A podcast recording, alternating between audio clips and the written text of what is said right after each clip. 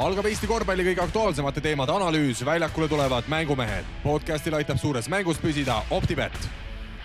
Tere, head kuulajad, esmaspäev, neljateistkümnes detsember, jõulupühad vaikselt lähenevad ning mängumehed on selle hooaja viieteistkümnenda saatega teie seltsis.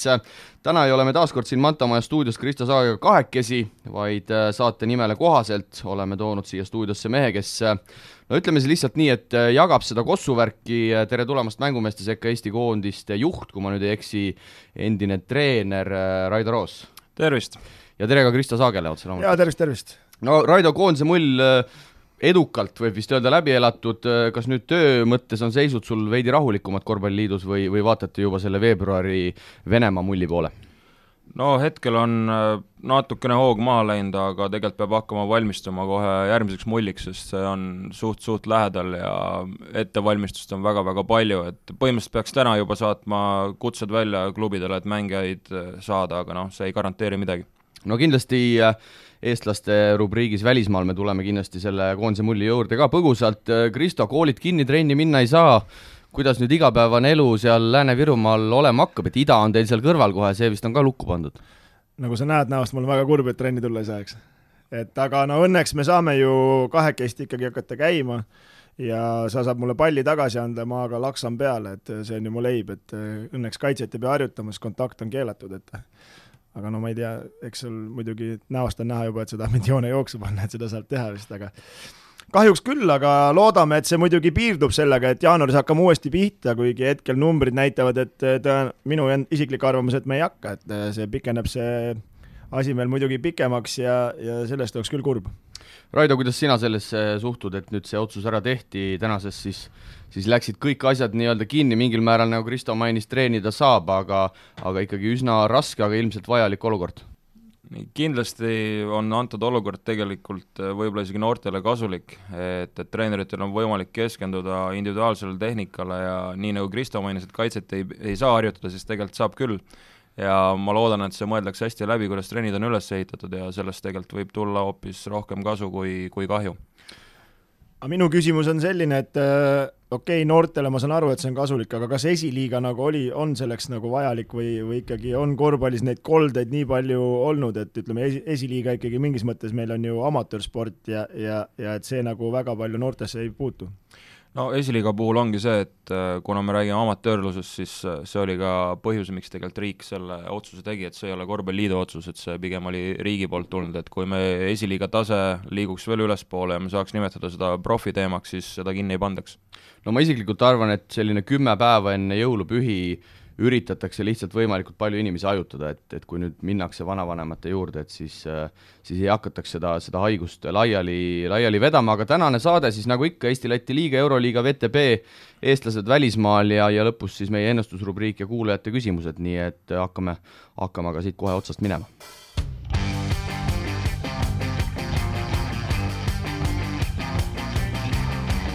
Eesti-Läti ühisliiga ja sel nädalal tegelikult üsna, üsna vähe mänge oli, alustame kohe kolmapäevast. no Tartu meeskond sai siis Kalevi vastu tagasi võidureele või, või mehed, kas tänasel päeval Tallinna Kalevi vastu võitu üldse tabelisse nii-öelda kirja saaks panna? Äh, no eks ikka jah, aga ütleme seda mängu jälgides, siis kindlasti väga palju on näha seda, et Tartu noortel on äh, Tiit Soku käekirja ka juba sees, et kuigi Kandimaa on peatreener, et, et aga ütleme, noored tegid ainult neliteist palli kaotust Tallinna Kalevi vastu, mis näitab, et Tallinna Kalevi kaitse on äh, allapoole arvestust, et et kahjuks nii ta on ja posti puudumine ka väga palju mõjutab, ma arvan no hetkel ütleme, see tulemus on pigem niisugune üllatav, et ikkagi Tartu on täiesti liimist lahti pärast Reimanni äraminekut, et see mees ikkagi oli niivõrd kindel, ütleme, eeskuju ja tegi neid teisi mängijaid paremaks, et no õnneks, õnneks võitsid ja neile seda võitu vajas ju positiivset äh, loengut, no Tallinna Kalevil seda muidugi rohkem vaja, aga aga nagu me teame, teises nädala mängus juba läks juba korralikuks jamaks. ja Tartu leedukast pikkmees Toomas Baltsunas äh, Kalevi vastu seitseteist punkti, seitseteist lauda, no see vist näitab ka nende Vembide ja ja McLaughlinite taset veidi. paraku küll jah, et seal äh, kui, kui nendel mängumeestel rünnakul ei kuku, siis kaitses vist ei ole midagi nagu loota, et et see iseloomustabki kogu seda olukorda ja reedel siis Tarvas TalTech ja, ja teist korda järjest nüüd TalTech suutis Tarva Tarve ära võtta ja, ja TalTechile kolmas järjestikune võit, no Kristo, üks sinu lemmikvõistkondi sel hooajal, kuidas kommenteerid? jaa, et kahjuks seda mängu ei näinud, et vaatasin neid highlights'e ja no tegelikult neljandat veerand aega sain jälgida, kui koju sõitsin, et et äh, no üllatus, ütleme nii, et äh, ma arvasin, et Tarvas ikkagi koduväljakul TalTechi võtab ära, seda enam, et Jaan Puidet äh, lahkus ju, lahkus TalTechist ja tema ikkagi on niisugune rabeleja, aga mida, mis nagu TalTechi mängu nüüd viimasel ajal on kaitsnud, suudavad okeilt mängida nii või naa, eks, on ju, aga mis on üllatav, et kolmesed on kukkuma hakanud ja, ja Keedus ja Kajupank, et seal lõpus Kajupank panigi ühelt äärelt ja teiselt äärelt ja Kangur pani ühe korvi ja see nagu selle mängu otsustaski. Raido, kuuskümmend üks punkti siis neli vanemat meest, Kajupank, Keedus, Sokk, Kangur, äh, Tarva vastu, kas need mehed hakkavad nüüd äh, vaikselt oma rollidega harjuma ennast, ennast käima saama ja kui palju nüüd Puideti minek Hispaaniasse sinu hinnangul seda, seda võistkonda mõjutab? No ütleme nii, et kindlasti mõjutab, aga pigem ma arvan, et äh, lõpuks need asjad seal TalTechis loksuvad paika, et seda näitab ka nende kaheksa, kaheksateist resultatiivset söötu too mäng ja aga samas ma võtaks selle niipidi, et äh, Tarvas pole nii kehvasti kaugelt visanud ammu, et, et äh, nii ja naa, noh, et kui neil Tarval kukub, siis on kindlasti oleks TalTechil palju raskem no sama jutt, nagu eelmine saade rääkisin, et ega see koondise paus pole Tarvale kunagi nagu kasuks tulnud ja nad on nagu selle mängurütmi nii-öelda äh, nagu kaotanud, et äh, et siin äh, noh, ega seal ei pea ju eriti geenius olema, et äh, kui sa suudad Gluditise kinni võtta, väikse musta Harrise Tomi noh, ka kinni võtta, on ju, siis ülejäänud on juba juhus selles mõttes, et Aller, Aller ju elab teiste söötude pealt, et eh, teda ei tohi vabaks jätta, et eh, see nagu iseloomustab ja siis lõpuks tulevad rasked visked, mis selle hea rütmiga, need ei kuku sisse, et eh, hetkel on nagu pahasti, aga TalTechi juurde tulles veel, et nende mängu kindlasti palju mõjutavad Smalts, Viilup, pingilt tulevad mehed, et kui need ka ära ei kuku, natuke juurde annavad, siis noh, põhimehed teevad omasid ikka ära no üks Tarmo fänn saatis meile siin äh, eelmisel nädalal ka küsimuse, see oli küll Kristo Saagele esitatud, aga aga ma pigem vaataks, Raido, sinu poole, vaadates Tarva mänge on näha, et keegi ei suuda sinu kohta tiimis täita, kas pole mõelnud Tarvale appi minna või Umbraskole mingit äh, nõu anda? mis sa, Raido, arvad sellisest asjast? ma arvan, et Raekos vaataks väga hästi selle peale, et Kristo saaks praegu laenata välja, nii kaua kui esiliigas on paus ja siis saaks juba nagu mängida ja, ja me, meil on korralik kui... see väljaostusumma ka ikkagi. no selles mõttes on jah, et ma ei usu, et Tarval pärast niisugust pappi on, et Rae vallast ikkagi mind välja ostage aga nüüd, kui tõsiselt võtta, selles mõttes, et äh, päris keeruline on tegelikult niimoodi nüüd äh, ütleme, Tarvale siin äh, see nagu suurt muutust kindlasti ei too, ütle, ütleme siin võib-olla nõu ja jõuga, et aga, aga selleks, et ikkagi nagu me isegi näeme, et äh, Kadrina karudest läks äh, see must mees, äh, mis iganes ta nimi oli, läks siin Tallinna Kalevisse, noh, seal ta ei tee midagi, järgmine mäng pani kohe niisuguse kontserdi, on ju, esiliigas, et nende liigade vahe on ikkagi päris suur, et ma sinna peidan ära ennast ikka, et hätta ei jää, ma arvan, aga, aga hetkel ma arvan, võib-olla neil on niisugust venda vaja, kes nagu natukene riietusruumis ka neid aitaks, noh, selles mõttes, et aitaks seda tuhhi üles võtta, et see päris maha ei lähe. aga ütleme, kui me nüüd äh, teoorias räägime, kui Mbrasko sulle helistaks, mis sa talle ütleksid no,? kui ta, ta küsiks nõu sul puhtalt? ta on paar korda mulle helistanud, tegelikult me siin kevad, äh, sügisel nägime ka siis ta kü-, noh, nagu väga ei tulnud äh, peale ja noh, iga kord on üks ja sama jutt, et raha ei ole ja ta tasuta ma ei viitsi käia, no see on ka selge, et aga, aga ütleme nii, et äh, iseenesest, kui see paus pikale venib, võiks ju ka kuu aega Tarvas teha, saaks hea trenni vähemalt teha ja vormi ajada ennast. ja ligi käia ka, mingi kolmsada meetrit on saaline.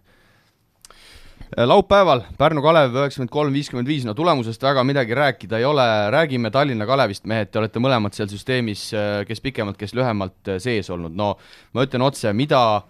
Kalev tegema peaks, et sellest katastroofist nüüd välja tulla, Raido? no hetkel on väga keeruline mingit kiiret lahendust leida, et, et asjad on üsna, üsna rööpalt maas, aga hetkel olid ka puudu Ross Lips ja Post,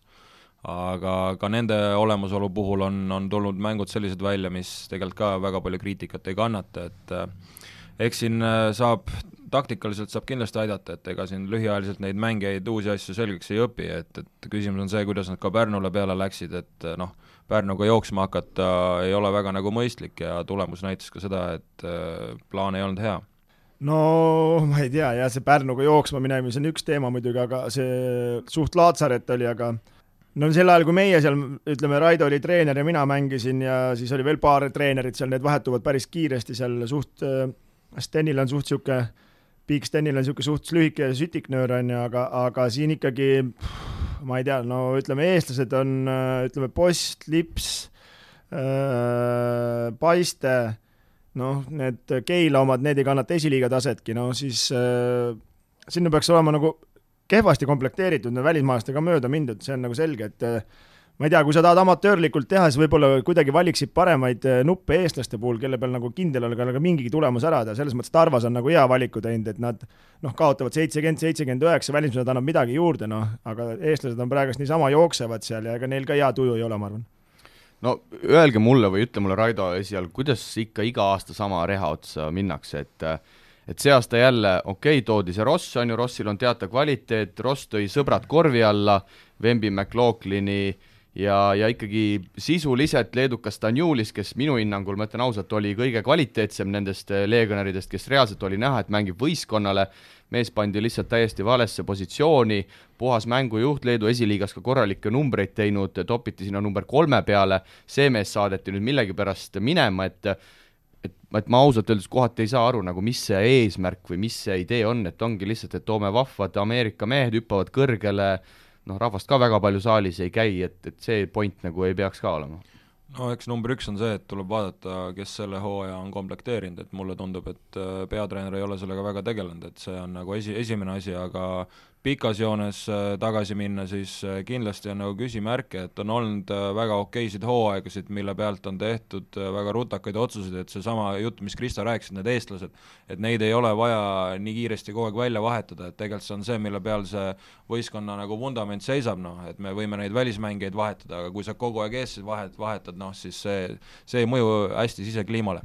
no see ring on ju nii väike eestlaste juures ka veel, et eh, no selge on see, et eh, Jõesaart ja neid ei hakka nad ostma, no okei okay,, siin suvel olid mingid jutud, et kangur, aga no kanguril on ka ikkagi, ma arvan, mingi, mingi mõte on, et sõber Taltsi, kes küsis, kas tasub minna Tallinna Kalevisse, no ma arvan, et ei ole mõtet minna, et eh, eelmine aasta või eelmine aasta mängis Talts veel seal või? või oli üle-eelmine aasta? vahet ei ole. jah, üle-eelmine aasta, et see juba, mille ümber sa teitid ja kohe olid enam-vähem tulemused seal, tiksusid seal top neljas, lõpuks võtsid hõbeda ka, on ju, et aga, aga, aga hetkel küll, ütleme, seal ei olegi noh, lips korvi all mängijaga enamus mängud loobib nagu tuimalt kolme peale, kui lõpuks palli saab, et see ei ole nagu nende mäng, et igaüks nagu oma rolli ei tee ja ja selles mõttes ma olen sinuga nõus, et Danulis oli niisugune vaese mehe Mario Paiste, et vähemalt rabeles, aga ta oli väga korralik vise ja toimetas nagu, et et noh, pigem ma ei tea, kujuta ette, kui see Ross ka veel minema läheb, kuidas nad selle nüüd uuesti üles ehitavad, siis toovad mingi kaks tükki asemele, eks raha peab asjad paika, see on ka selge, on ju, aga aga ikkagi ma ei tea, mingi suvalisi kaerajaane nagu kogu aeg tuua, siis ma ei tea, pangu siis nende Puffi poistega ja saagu kõigi käest tappa ja siis on vähemalt mingi kasu Eesti korvpallile. no täpselt, et tegelikult need Eesti mehed on ju seal täitsa okeid, noh, võtame siit otsast pihta, Siim-Markus Post, Karl-Juhan Lips, Maarja Paiste, Martin Jurt, Tom Ron Pehk, okei okay,, igal mehel on võib-olla omad mingid äh, mingid vimkad ka küljes, aga, aga samalik, samas see toorik on tegelikult nagu, mille peale annaks ehitada ja kui sinna saaks tuua paar välismaalast, võib-olla nagu Tartu see aasta tõi selle Reimanni ja ja, ja nende meeste näol, et siis tegelikult äh, seda, seda vundamenti tegelikult on, mille peale nagu ehitada. No kindlasti on, aga seal ongi küsimus lihtsalt selles, et äh, lõpuks tuleb ise, nad peavad aru saama, mida nad tahavad, noh, et äh, iga hooaeg ei saa olla nii, et sa teed ära äh,, ja järgmist alustad jälle nullist, noh et sul peab olema vähe, me ei räägi kolmest aastast, võib-olla mingi pikemast perioodist lihtsalt, et on nägemus, mille poole minna, et praegu on nagu projekt projekti otsa, noh. Et selles mõttes, et ennem oli Tallinna Kalev nagu töölisklassi võistkond, kui Kalle oli seal eesotsas, eks, et siis nagu said aru, et inimesed käisid tööl, mingid Eesti vennad, ütleme siin on ju mingi nagu konspekt oli, on ju, aga nüüd, kui nii-öelda profiks mindi, noh, ma ei tea, nüüd on nagu täitsa nagu suvaline värk nagu, et ei, ei jäta nagu mingit head muljet, et ei saagi aru, kuhu poole nad selle profiga minna tahavad, et kõik välismaalased võtta või või noh, ma saan aru, et sa pead nagu õnne peab olema, aga no mingi, mingi scouting peaks ikka olema, et mis mingi mees teeb, et noh, ma ei, oma silmis, kui sa need eestlased ette lugesid, on ju, et siis ma mõtlen, et peaks olema niisugune ma ei tea, ütleme Bambale Ospi või Bamba Fall või mingi niisugune pikk, on ju, kes on nagu mängib võistkonnale ja nagu samas nagu domineerib, hoiab lauda nagu kontrolli all, et, et siis saaks juba jälle mängima hakata.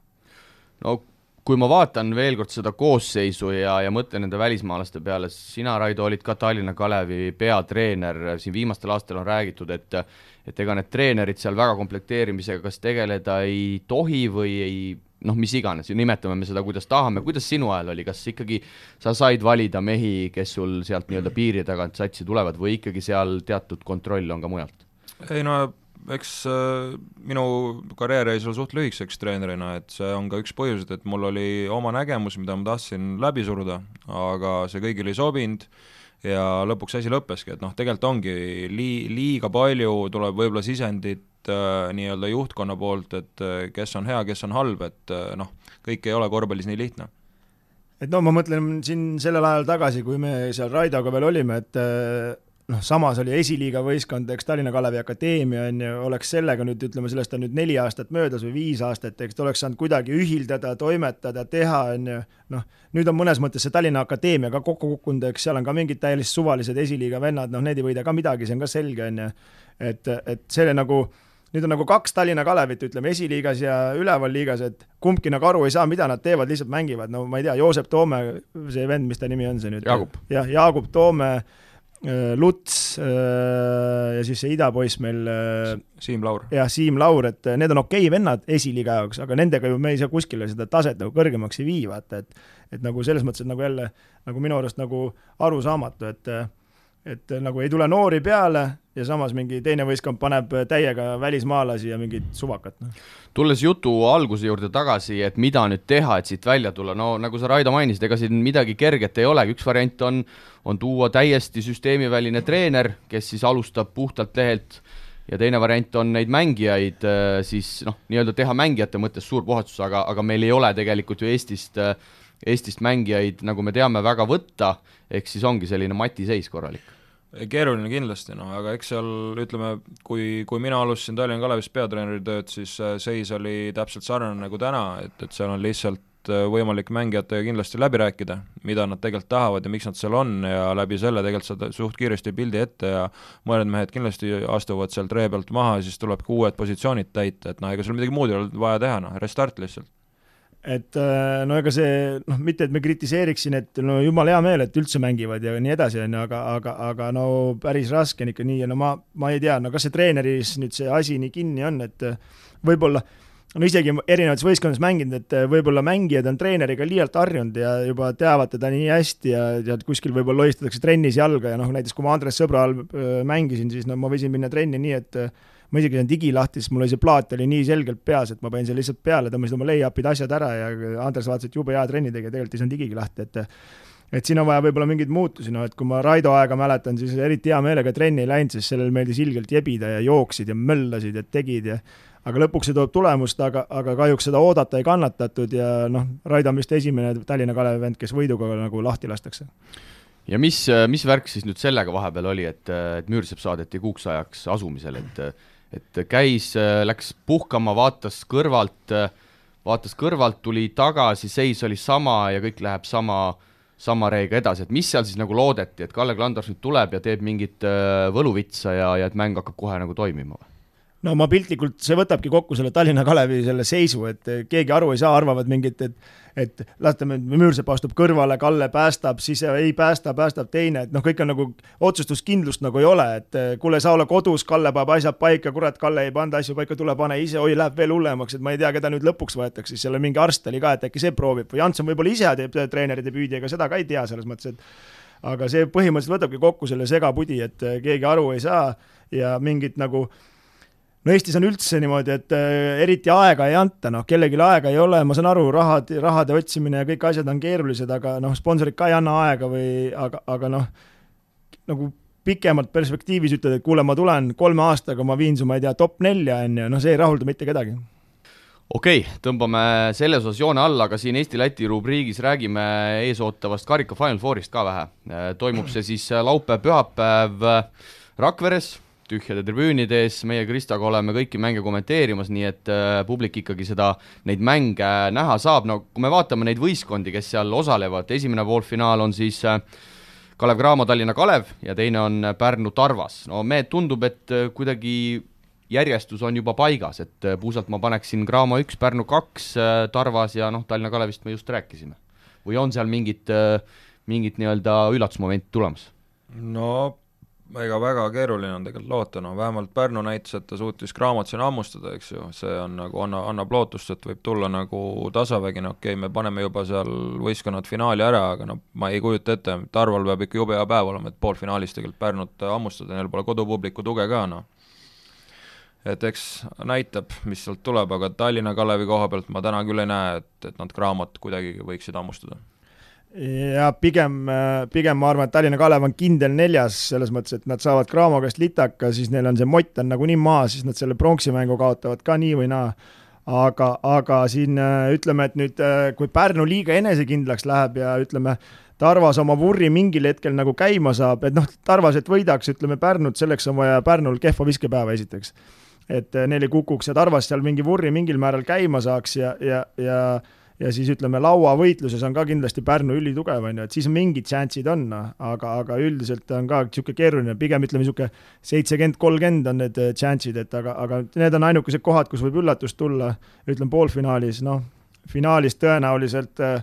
Cramo on oma ikkagi, on, no vist mängivad sel nädalal korra veel liigas ka, et äh, et, et siis Cramo kindlasti tahab puhtaks pesta seda häbi, mis nad seal Pärnus said, aga ega neil ka hästi ei ole selles mõttes, et nagu ma aru saan, Jõesaar nagunii ei mängi, eks. aga ülejäänud vennad on tagasi, et siis neil ikkagi peaks seda, ütleme, varu olema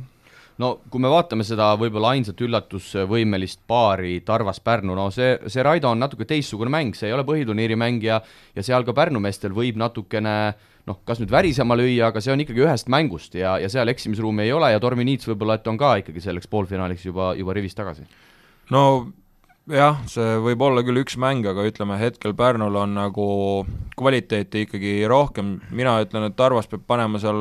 kolmteist kuni viisteist kolmest toomäng, et üldse seal äh, nii-öelda üllatust vormistada, aga Pärnu paneb taktikaliselt suht hästi ja Tarvas ikkagi peab, peab, minu jaoks ikkagi peab väga kõvasti üllatama aga siin ma ütlengi, et äh, ainuke võimalus on, et Tarval siin tõesti, et ütleme, kolmteist kolmest võib-olla on äh, liiga, aga niisugune kümme pluss, kümme, üksteist oleks vaja kindlasti panna ja no kindlasti on vaja Pärnu nelju viskajat, äh, minu silmis ei ole, noh, okei okay. Tallinna Kalevi vastu nüüd nad panid nagu kulda, aga kui nelikümmend on tablool, siis panevad kõik vennad nagu kulda, et noh, isegi Raap pani kaks kolmest, et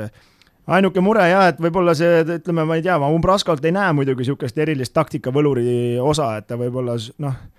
natukene võib-olla nagu riskiks, et jätaks seal, ma ei tea, raabid ja kirvesed kolmesada tuimalt vabaks lihtsalt või mingit maa-ala, et noh, et proovidagi võtta mingi risk, et, et kui sealt tuleb, siis tuleb.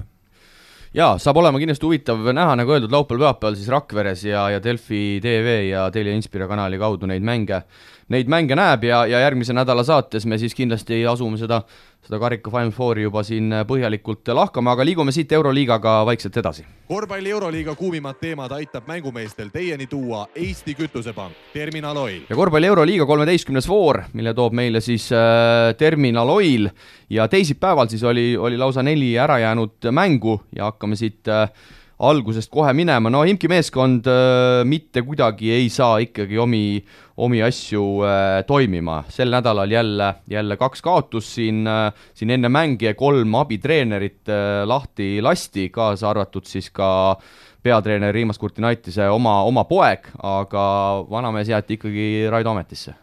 jah, eks seal on äh, samamoodi igasugust huvitavaid jutte on kuluaarides, kuidas äh, treenitakse Euroliiga tasemel, et siin äh, ma arvan, esiliigas me võime ka, mõni sats võib kõvemini põrutada, et see on ka nagu natuke murekoht, ma arvan, aga see kui, kui raha on olemas, siis ei ole mõtet seda arutada. aga ütleme, konkreetne mäng siis jah, et seal oli ikkagi Milano kolmesed, kuuskümmend kaheksa prossa, no mis on ikka väga kõva ja siis Milano tegi kaheksa pallikat ja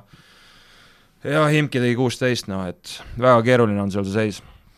no mis seda Imkit nagu kõige rohkem iseloomustab, et vahet ei ole, kes neil vastu tuleb, äh, kontserdi nad panevad, nad nagu ise nagu avavad selle, ütleme, Swed ajab seda mängu kiireks, vastane võtab selle vasta ja vastased tabavad nagu päris hästi, no nagu teises mängus me tuleme veel selle juurde ka kindlasti, mis oli Venemaa derbi, et aga noh, Milano on head viskajad ja, ja no mis Imkit ikka kõige rohkem, see on nagu, nagu Tallinna Kalevilt, raha on rohkem kõvasti, noh et et päris täpselt aru ei saa, kuidas see võistkond komplekteeritud on, et mängivad nagu päris okeilt ja sisu ja kõike on, aga võite ei tule. aga see on küll, mehed, huvitav, et et seda Kurtinaitist sealt ikkagi veel maha ei ole võetud. no jõuludeks on läinud, usun. no kaks võitu, üksteist kaotust, äh, selgelt praegu tabeli, tabeli viimased ja, ja nüüd on ju tegelikult äh, siin mõned nädalad juba täiskoosseis ka olnud ja, ja no koduväljakul Milano, no itaallased panid kakskümmend kaheksa söötu, aga seal kaitses ikkagi noh, kohati pandi jalad maas, et sealt Shavon Shields kakskümmend kuus silma väga hea, hea tabavusega ja ja kuidagi ausalt öeldes üllatav, et seda vahetust seal eesotsast ei ole veel tehtud no tundub, et midagi sobib seal juhtkonnale selle Kurti Knightsi juures, et sellest me kindlasti aru ei saa, et see on ta, ta on juba korra lahti lastud ja on nagu tagasi ka võetud, et äh, see on suur küsimärk. no ma ise arvan, et imki mehed praegust loevad dollareid, et palju neil on, et Obradovitšile võib-olla tegelikult teevad pakkumise, et tuleks sinna, et tegelikult juba sel, sel nädalal oli ju jutt, et ta juba läheb Itaaliasse, et Bologna Virtusesse, aga, aga, aga siis ta ütles, et ta ei saa tulla, et ta on kinni, noh, ja siis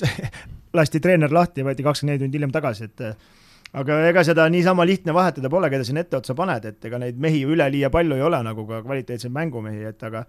aga Imki puhul, mis veel iseloomustab, et nad seisavad nagu kaitses niisugune kakskümmend sekundit ära ja siis kuskil keegi jääb vabaks ja paneb ära ka veel, et see nagu sööb võistkonda veel eriti kõvasti, ma arvan. jaa, eks see lumepall on siin veerema läinud ja seda pidama, nagu me teame, on päris, päris keeruline saada, aga Barcelona siis teisipäeval esimene kodukaotus olümpiaakosele kaheksakümmend kaheksa, üheksakümmend kuus ja no panna Barssale koduväljakul üheksakümmend kuus silma olümpiaakose poolt ikkagi muljetavaldav mäng ja sisuliselt ühtegi mõõna väga olümpiaakosel seal isegi sisse ei, ei tulnud jah, see, ma vaatasin seda mängu ja Jassikevitš võttis tegelikult ülihästi kokku, et ütles, et kui me kaitses ei mängi, siis me ei ole nagu võistkond. et, et ja see iseloomustabki seda, et äh, lihtsalt olümpiaakos tegi tegelikult väga korraliku etteaste ja kõik tegelikult õnnestus ka, et äh, nii, nii ta läks, noh. olümpiaakos tegi sel nädalal üldse kaks korralikku etteastet ja ütleme, selle Partsa mängus äh, nad tulid mängima, et midagi kaotada pole ja kuidas nad selle ikkagi mängu juba käima tõmbasid ja hakkasid sisse vajutama, seal alguses oli kohe mingi kakskümmend seitse, mingi kaksteist või neliteist või mingi kohe oli suur vahe ja niimoodi vaid kolm, et viiest viis vist esimesed kõik ära, et Partsa nagu jõudis igale poole küll kaitses, aga ikkagi noh, niisugune tunne nagu oleks raske visata, Euroliigas need rasked visked ei ole, et mees oli küll lähedal, aga aga, aga jah, et pärast enam ei jõudnudki sellest välja ja Kostas Lukas, kes siis toodi Fenerbahce'st tagasi oma eelmisesse meeskonda, on ka väga hästi ennast käima saanud, Barca vastu viisteist punkti, kümme söötu ja ja nädala teises mängus siis võidumängus võõrsil Vesta vastu ka neli, kaksteist punkti ja seitse söötu, et et tundub, et kas Lukasele nüüd on antud see dirigendi kepp ja Spanulis on seal ikkagi natukene mees number kaks? no tundub, aga ütleme, see Slovkas on üldse, popp nimetusena nagu high energy player, et ta annab võistkonnale tegelikult sellist head, head, head feeling ut Svesta mängu ma vaatasin otsast lõpuni ja, ja treener ka on näha, et kõvasti usaldab teda, et teda ikkagi väga välja ei võetud ja, ja, ja olümpiaakos no see vana hea olümpiaakos, mis selle võistkonna nimega nagu kaasas käib, et skoori ei vaata, mängime lõpuni ja vaatame, kas lõpus saame äkki kätte ja kas on võimalust. Ja no jällegi no, no niisugune mees nagu Printesis, no mida, mida asja see ikka korraldas lõpuks ära, et aga seal oli pull äh, vahetus, tuli kolmandal veerandajal, pandi mingi noor kutt seda Lloydi võtma, ma ei tule see nimi, ei tule isegi ei jää meelde, mingi Kreeka poiss oli, number viis või kuus, mis ta oli seal, ilgelt ajas taga, päris okeilt ajas taga ja siis üllatuslikult pani kolm kolmest ka veel, noh, et, et niisuguse, niisuguse jokkeri tõmbas nagu treener välja. ja Vassilis Spanulis siis sel nädalal möödus äh, Juan Carlos Navarrost ja, ja enim punkte siis Spanulis arvel Euroliigas neli tuhat kolmsada kakskümmend üks ja, ja ja ütleme nii, et äh, pole midagi öelda, müts maha. jaa, kindlasti, see on ikka hulluvana no parem, parim enne on möödas, aga ikka üritab ja teeb ja, ja, ja väga ütleme nii, et jalgu ei jää, et enam mingi kolmekümneseid mänge ei tasu loota, aga, aga ikkagi raskel hetkel ikkagi vastased on ikkagi teavad, et tema peale mängitakse ja sealt tekib teistele rohkem võimalusi. palju Kristo vanust on, väike trivia ka? No näo järgi ütleks nelikümmend seitse, aga pakun kolmkümmend kaheksa. kolmkümmend kaheksa jah, ja sel hooajal siis keskmiselt seitse punkti, kolm, kolm söötu, aga aga ikkagi selles suhtes veel eriti muljetavaldav, et sellises vanuses äh, tagamängijana eelkõige, tagumistel on selles osas, osas ma arvan, vähe keerulisem ka ikkagi nii kõrgel tasemel veel olla nii olulises rollis ja, ja muidugi, seal on ikkagi selgelt näha, et need kiirusvõimekus on, on langenud, aga samas mängumehe tarkust on nii palju, et seal teeb pooled asjad ilma kiiruseta. ja ikkagi, ja üllatav on see, et ikka veel piker rollides sealt läheb meeste splitib läbi, teeb, otsib sööte, asju, et äh, oma mängu selles mõttes pole muutunud, et muutnud, et et see on nagu et ei tea, kaua veel, aga eks elame-näeme. no üks meeskond, kellest tahaks ka kindlasti veel rääkida, meile väga lähedal, Peterburi seniit, võeti siin äh, siin lausa kuues võõrsil võit järjest teisipäeval Valencia vastu. nüüd küll äh, Realilt tuli esimene väliskaotus ka neljapäeval, aga ütleme, pärast seda koroonavärki, mis neil siin hooaja alguses oli, seniit on muljetavaldavalt ennast käima saanud ja VTB-s ollakse ju ka seitsme mänguga endiselt veel kaotuseta. ja, ja see tundub olevat ka selline sats, nagu Kristo siin ütles, et äh, skoori ei vaata ja annavad kogu aeg minna, et see Pascali intervjuud on ka pidevalt sellised, et äh,, et nii-öelda poole ajal võetakse kokku, et kui esimene poolek pole visket, visket kukkunud, et paneme edasi, noh ja see tegelikult neid ikkagi on vedanud suht hästi, et äh, minu arvates väga-väga positiivne üllatus. No mis seniiti minu arust nagu iseloomustab sel hooajal ja, või seda klubi üldse, ma arvan, nagu juhtkonda, et nemad ikkagi Pascalile aega andsid, et tegelikult ju eelmine aasta läks ikka täiesti aia taha ja nad uskusid sellesse mehesse ja Partsa ta ikkagi üles ehitas mingil määral ja nad uskusid, et ta ikkagi toob mingit muutust ja aitab neil, ütleme, Himki ja CSKA vastu seal toimetada Venemaal, on ju, ja ja no sel aastal ikkagi mees on teadnud, mis mehi ta ostab ja need on kõik nagu selles mõttes äh, head täiendused olnud, nagu võtame kas või Riversi on ju, Casey Rivers, äh, okei okay,, viskab sul kaheksa punkti, aga õigel hetkel viskab need punktid ja teeb nagu meeskonda paremaks ja äh, Päron, need panevad ikka päris hullu sisse ka, et äh, kõige huvitavam mängumees seal satsis on muidugi minu jaoks see Bonitka, et viset ei taha võtta midagi, aga lauas käib küll metsikult ja, ja, ja kui teeb võistkonda paremaks. Himkid sees ka, venelaste derbi siis ja, ja Mike James, noh, tahame me, me või ei taha, kolmkümmend kuus punkti, üheksa lauda, kümme kümme söötu, noh, see mees ka, midagi on seal CSKA-s nüüd, nüüd toimunud, et see ikkagi täielikult on selle mehe esitustes kannapööre. Jaa, kindlasti, no ütleme, et selle mehe võimekuses vist keegi ei, ei kahtle, küsimus ongi, et tal on hetkel siis see viimane mäng, mis oli, et ta võis teha, mis tahtis, et väga palju peatreeneriga ka seal mingit tüli üles ei kiskunud, muidu ikka alati neil oli midagi seal jagada, noh, ja lisaks muidugi CSKA lauavõitlus, seitseteist ründelauda, noh no seal mängus ikkagi Himkid CSKA, no on teada, et suureskooriline mäng tuleb, aga, aga et ütleme niimoodi, see James ikka kotti lajatas neid viskeid ja lauad ja söödud ja noh, nad ikkagi selle Swediga kahekesti tahavad näidata, kumb see ikka parem mängija on, et seal kõva võitlus käib, et aga no James pani ikka muljetavaldava selle kahju, et seda triple-tappelit ei olnud, et lõpus sai juba laua kätte, aga ikkagi ennem vilistati viga, et, et oleks ajaloos vist neljas inimene üldse olnud, kes on saanud selle ja Kaunase Žalgiris ka sai nüüd äh, võidureele tagasi, loodetavasti nüüd vähe pikemaks ajaks kui vaid üheks mänguks. Võõral väljakul, siis käidi üle Ateena Panathinaikosest ja ja kaheksakümmend üks, kuuskümmend üheksa olid need, äh, need lõpunumbrid, äh, Paulius Jankunan siis enim, enim mänge Euroliigas kirja, nii et siin rekordeid tuli, tuli sel nädalal erinevaid individuaalseid ka päris palju ja kaheksateistkümne hooaega siis kolmsada viiskümmend neli mängu on on Leedu vanameistril koos, no Kristo, sinu jaoks ka selline positiivne uudis, mis ta sul on, Vastuuria või Vehtuuria põlvega, mitu, mitu kuud peaks nüüd eemal olema? no jaa, jumal tänatud, et no see jälle näitab äh, see jällegi näitab, et äh, treener äh, tassib, äh, kuidas noh, Maicol meeldib öelda, et kui näiteks mõni eestlane tahab kuskil kõrgele tasemele jõuda, siis ta peab mingile treenerile meeldima, nagu näiteks Kangur, ütleme,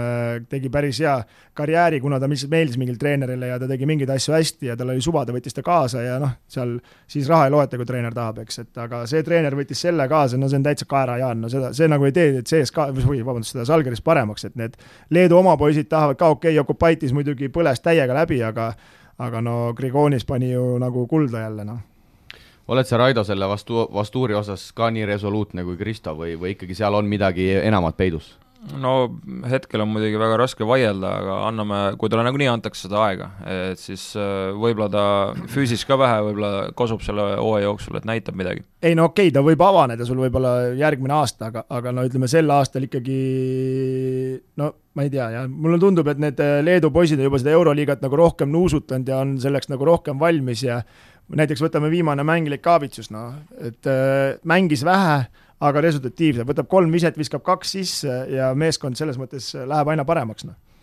Ja, ja kindlasti tahaks rääkida ka Istanbuli Fenerbahcest, Nando De Colo tuli blondi peaga tagasi väljakule, aga noh, seal on ikka ka, tundub, et äh, asjad täitsa pahasti, kaotatakse siis äh, Albale võõral väljakul kuuskümmend kolm, kaheksakümmend üheksa ja siin, äh, siin eile siis ka,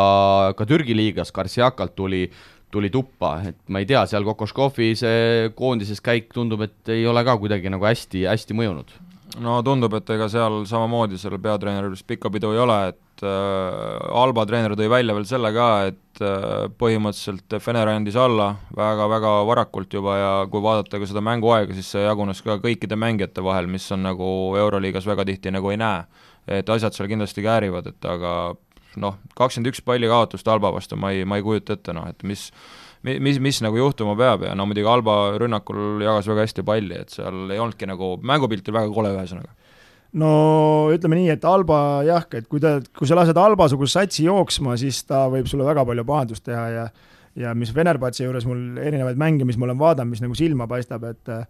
kui nad kohe mängu kontrollima ei hakka, siis äh, nad enam tagasi ei roni kuidagi, noh et äh, nad on isegi vaata, kas Alba oligi seesama võistkond või oli see Bayern, kumb neile nelikümmend viis, kakskümmend viis poole võitsid, lõpuks said ise tuppa seal koduväljakul ka veel, et et äh, selles mõttes seal on paasti ja, ja, ja ega seal ka väga ei näe, et sel aastal midagi tuleks. aga kui spekuleerida, milles see asi võib olla, kas see NBA-st ületulek treeneril ikkagi on nii, nii keeruline, me teame, et Schiller ju tuli ka Ameerika koolkonna pealt sinna Žalgirisse, et kas see kas see mängude vahe, stiilide vahe on tänasel päeval ikkagi nii erinev, et et on, on treeneri raskust, et noh, kui me vaatame mängijaid, seal ju sõdureid on küll, Ulanovas, Dekolo, eks, Veseli, kes ei tohiks niisugused ülemäära võib-olla jonnipunnid ka olla ja ja punt ameeriklasi, et, et tõesti nagu algus oli parem, aga nüüd on ikkagi väga, väga kipsi läinud see asi no jaa, ma pole muidugi mingit äh, eeltööd tohutult teinud, et palju tegelikult mängijad on muutunud võrreldes eelmise hooajaga, noh et kui tuleb Obradovitši käekirja alt, siis äh, võib-olla tänane treener on äh, natuke pehme nende jaoks ei no seal on ikkagi minu arust see komplekteeritus on niisugune, et äh, sealt ei saa mingit väga head, ma räägin, kui nad peavad ülihea kaitse, nemad võidavad niisugune kuuskümmend, kuuskümmend viis, et äh, aga kui juba vastane viskab nagu TalTech, et kui vastane viskab seitsekümmend, siis läheb juba raskeks, noh. et, äh, et no seal ei ole, üks viskaja on seal mingi Edi, aga, aga see ei saa üldiselt viskel, et teised peavad tal looma, et need mängud, mis nad võitnud on, et siis härjapõlvene Ali Muhamed on need mängud ära otsustanud, et see on pannud mingi kontserdi seal ja tabeliseis hakkab ka siis vaikselt äh, paika loksuma, hetkel siis play-off kohal esimesed kaks Barssat sees ka, kümme-kolm, Bayern endiselt seal üleval üllatab üheksa-neli, Real kaheksa-viis, Valencia ka kaheksa-viis, Zenit seitse-neli, Milano seitse-viis ja Olümpiakos ka seitse-viis lõpetavad siis selle, selle top kaheksa, et kui siin hooaja alguses oli oli väga palju üllatusi, siis, äh, siis nüüd vaikselt ikkagi suured hakkavad, hakkavad ülespoole ronima ja nagu me näeme, siis Maccabi ka vaikselt, äh, vaikselt tõuseb no Maccabi on üldse, ma arvan, see hooaeg päris, päris, päris huvitav sats, noh, ja mis iseloomustab neid eriti hästi see hooaeg, on need kaitsemängijad, mängivad kaitses ka, et varasemalt on ainult rünnakule keskendutud, aga aga praegu on väga okei okay ja et Maccabit, mis veel iseloomustavad, et kui pähe saavad, siis alati alla nelja punkti, et mingi kuus kaotust alla nelja punkti, et see on ikka päris julm ja see sööb, aga nad ei ole alla andnud ja toimetavad, et aga huvitav on, et sa pole veel seda välja toonud sa jätsid selle maiuspalaks nagu kirss tordil lõppu või? No sinu sats. ja, ja ma tahtsin, et sa ise ütled selle välja. tahtsid ise, et ma ütleksin jah. et äh, Prepelits, keda oli, oleks siis olnud vaja, ütleme Real Madridis praegust, siis äh, Valencias ikkagi vaatasin selle video ära ka ja. seal oli, oli keeruline paremat kaitset Balbail mängida. no suhteliselt parem jah, et äh, ja tundus nagu päris äh, arusaamatu rünnak oli joonistatud kuueks sekundiks, aga võitjate üle kohust ei mõisteta, et mees ikkagi hoidis veel nii kaua, et ikka sireeniga päris, et päris äh, kui võtta nüüd äh, Maccabi ja Valencia omavahel võrdlus, siis üks on mingi juba kolm võitu vist äh, viimasel sekundil võtnud äh, teistelt näppude vahelt ära ja teisel on mingi kuus tükki käest ära läinud, et see on päris ulm suhe nagu selles mõttes. jah, kui sa vaatad seda pluss-miinust ka, siis Valencia on küll hetkel jagamas neljandat-viiendat, aga neil vaid pluss üheksa näiteks ja, ja Maccabi on kolmeteistkümnes pluss neli, siis see nii-öelda korvide vahe, et, et see näitabki ilmselt, et Valencia on päris palju neid nappe võite saanud ja Maccabis vastupidi, aga Maccabit on äge vaadata, midagi pole öelda, et need Vilpekinid, Torsi, Äh, Bryantid, äh, Kalajarod, Hunterid, et et tegelikult selline vaatemänguline sats ja nagu sa, Raido, ütlesid, nüüd mängivad kaitses ka. Ja, ja ma olen natuke jälginud siin neid äh, mängujärgseid intervjuud, mis treener on andnud ja mida mängijad räägivad, et siis tundub, et selle kallal nähakse palju vaeva, et eks lõpuks, kui, kui ikkagi sinna play-off'is hakatakse mängima, siis ega see tuleb läbi kaitse, et ega seal rünnakuga väga palju ei sõida ja et seal on äh, toodud korvi alla, ütleme, niisugused äh, korralikud äh, pikad ka, et okei okay,, see Siisits on minu arvates nagu ei ole, ei ole, ei ole nagu kõige parem poeg, et aga aga, aga see teine nüüd, ajan selle Dunstoniga sassi kogu aeg, see ei ole Dunston, aga see on see nüüd Hunter, Hunter jah, Otello Hunter, et no see mees on ikkagi, teeb seda võistkonda kaitses ja rünnakul ikka äh, et ongi niisugune võistkond, niisugune mängija, keda oleks vaja, ütleme, kui Tarvas valib mängijat või, või Tallinna Kalevil oleks vaja, et kes ei taha nagu itsetseda, aga teeb musta tööd ja teeb teised nagu paremaks, et see on nagu niisugune ideaalne vend. ja väga hea võrdlus oli praegu Maccabi ja Tarvas. ja, ja Tarva. mõlemad rohelised, mõlemad on ju kollased, mõlemad on ju kollased aga jaa, Hunter on ju CSKA ja olümpiaakosega tulnud ka Euroliiga mitmekordseks meistriks, nii et sellel mehel on, on igas mõttes kõvasti kvaliteeti, no järgmisel nädalal mehed topeltvoor ja ja mis saaks parem olla, kui siin äh, kodus istumise ajal ikkagi Euroliigat teisipäevast reedeni vaadata? no midagigi positiivset selles mõttes, et kui Eestis pannakse kõik lukku ja, ja, ja, ja saame, no muidugi seda Pahvliiga jääb, aga aga ülejäänud mänge, meil on aega küll, nüüd saame pikemaid analüüse ka teha, et loodame, et sa siis ikkagi trenni ei kutsu mind, et siis ma saan ka sellele keskenduda. ja läheme siit edasi, Kalev Cramo ja, ja VTB Ühisliiga jutud siis järgmiseks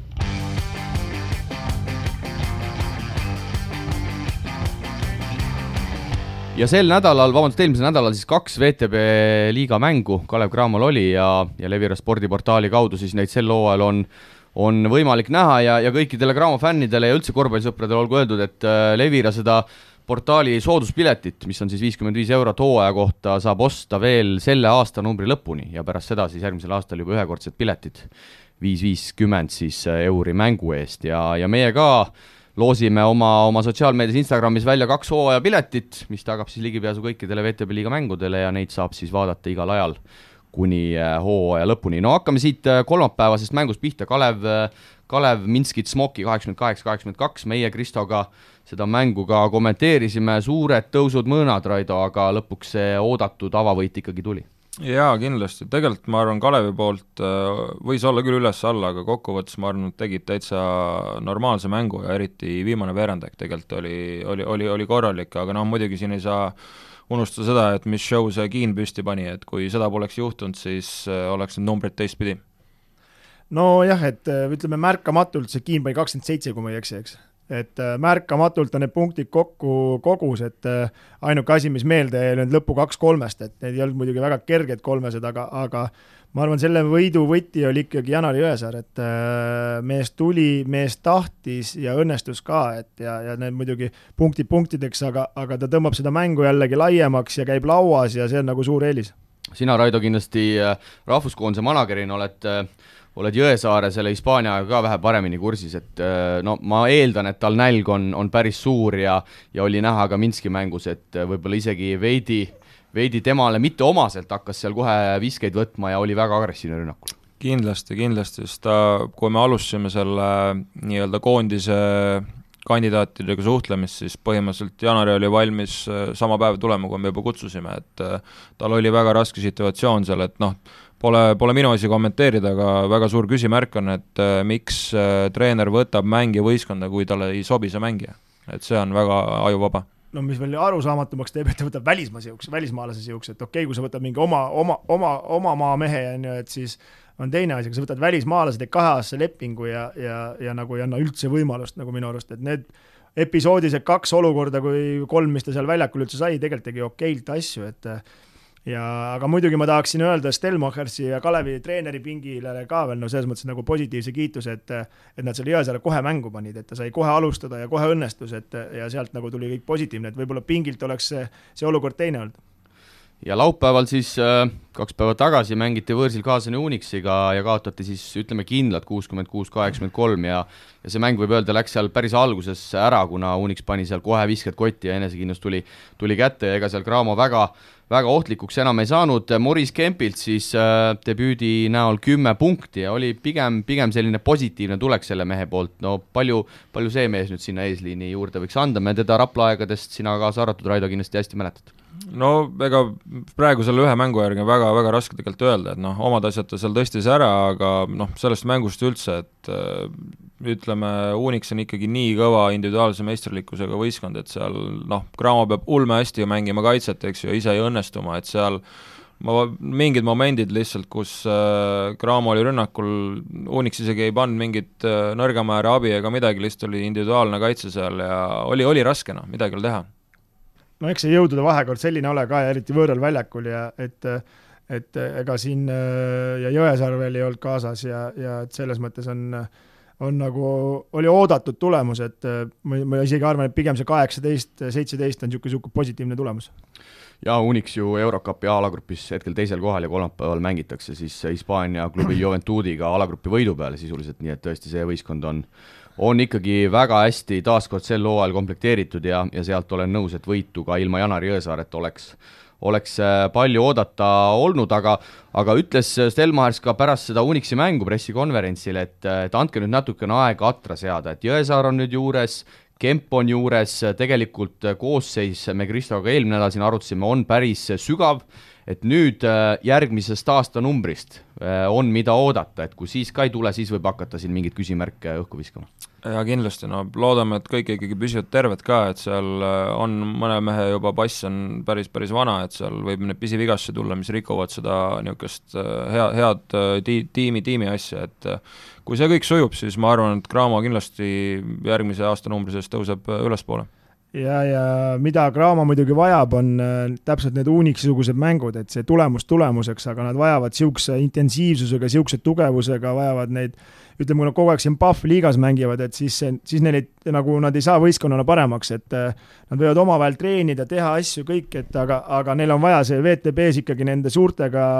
mängida ja saada oma kolakad kätte, vahet ei ole, kui palju see on, aga siis mehed lähevad enesekindlusega paremaks ja täiskoosseisus on vaja seda mängida. No me oleme seda Kiini siin Kristoga peksnud päris korralikult äh, terve, terve sügis, et et kuidas sina, Raido, seda näed, kas, kas see pall võiks paremini liikuda või see ongi Stelmachersi käekiri, et ta võtab endale ühe poolhändleri ja see toimetab seal nii palju, kui äh, süda lustib, et kuidas sina seda olukorda vaatad? no ma arvan, et äh, käekirja poolest kindlasti on Stelmachersi moodi see asi, aga reaalselt ütleme, varasemad, kes tal on olnud niisugused äh, lühemad tagamängijad, alati väga atleetlikud, siis äh, nad, neil on see söödunupp ka olnud, et äh, tegelikult ma absoluutselt ei kahtle, et Kiin näeb väljakut hästi ja suudab sööta, küsimus on lihtsalt selles, et mis eesmärkidega ta siia on tulnud. no kohati jääb tunne, et, et Kiin vaatab, et ei ole kellelegi sööta, et parem panen ise peale, et no, no põhimõtteliselt sama teema nagu Äh, mul seal raekossus, vaata, et vaatad, kaks venda on peal, siis mõtled, okei okay,, protsent on enam-vähem, et las lähevad lauda, vaata, et, et lauaprotsenti? ei, teistel noh, et parema lauast võtta, et ei hakka igaks juhuks söötma, pärast kaotab ära, noh, aga aga nüüd tõsiselt rääkida, siis äh, ma arvan, see Jõesaare tulek Smoki mängus äh, natuke pani väristama ka seda Kiini, et, et mingi vend tuli, eestlane ka veel, on ju, ja pani kohe niisuguse kontserdi ja siis ta tahab ka paremaks saada, et see on niisugune võistkonna sisevärk, et me ei saa enam vahetada seda Kiini, no kindlasti on leping tehtud ja keda me siis võtame, pole ka võtta kedagi. ja Lewis'i näol, kes siis ka oma jalavigastusega on maadlemas, on meil ju ka tegelikult käik veel, veel juurde panna ja no Lewis on nüüd see mees, kes ikkagi vähe lõbusamalt seda palli jagab no jaa, aga ikkagi, kui nad on koos Kiiniga väljakul, siis ilmselgelt jääb ühest pallist väheks, et äh, see on niisugune noh,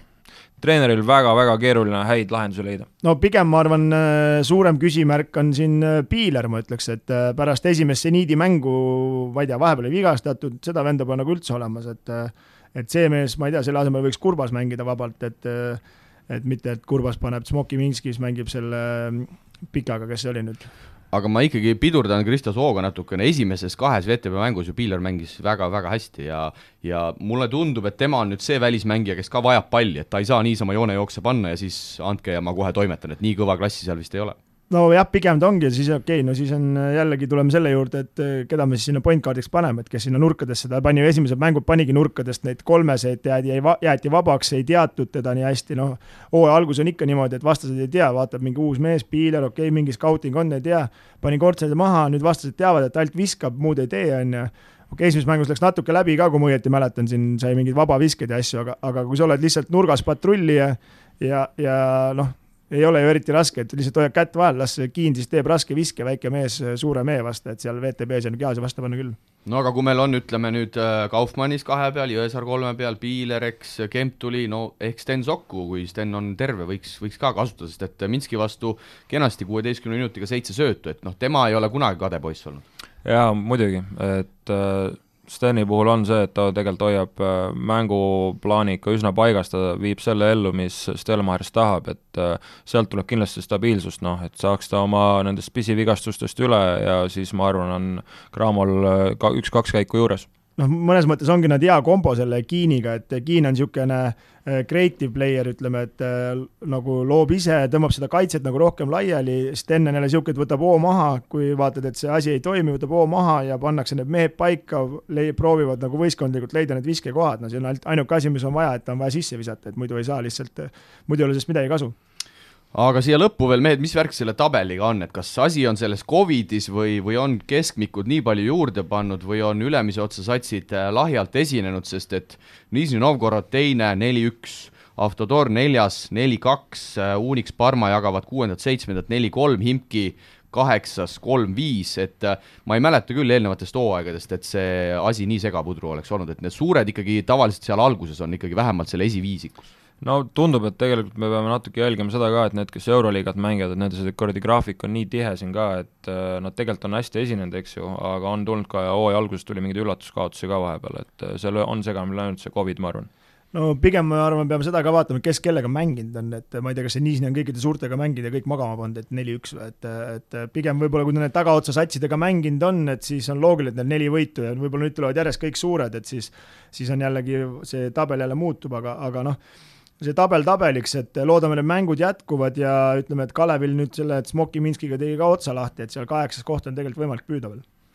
Ja, ja järgmine Kalev Cramo äh, kohtumine siis äh, VTV Ühisliigas kahekümne kaheksandal detsembril, nii et pärast jõulupühi ja enne aastavahetust tuleb minna Äh, Nižni Novgorodi, noh, sealt on taas kindlasti raske võitu loota, aga aga nagu Kristo ütles, Nižnil on küll neli-üks, aga, aga kirjas suurte üle on vaid koduvõit Himki üle esimesest voorust, nii et nii et ma usun, et äh, võetav sats, loodame, et Cramo saab nüüd korralikult treenida ja, ja Stelmachers ju näitas ka eelmisel hooajal, et et suudab äh, võistkonna mängima panna, aga siit liigume edasi ja, ja ees ootab meid siis rubriik Eestlased välismaal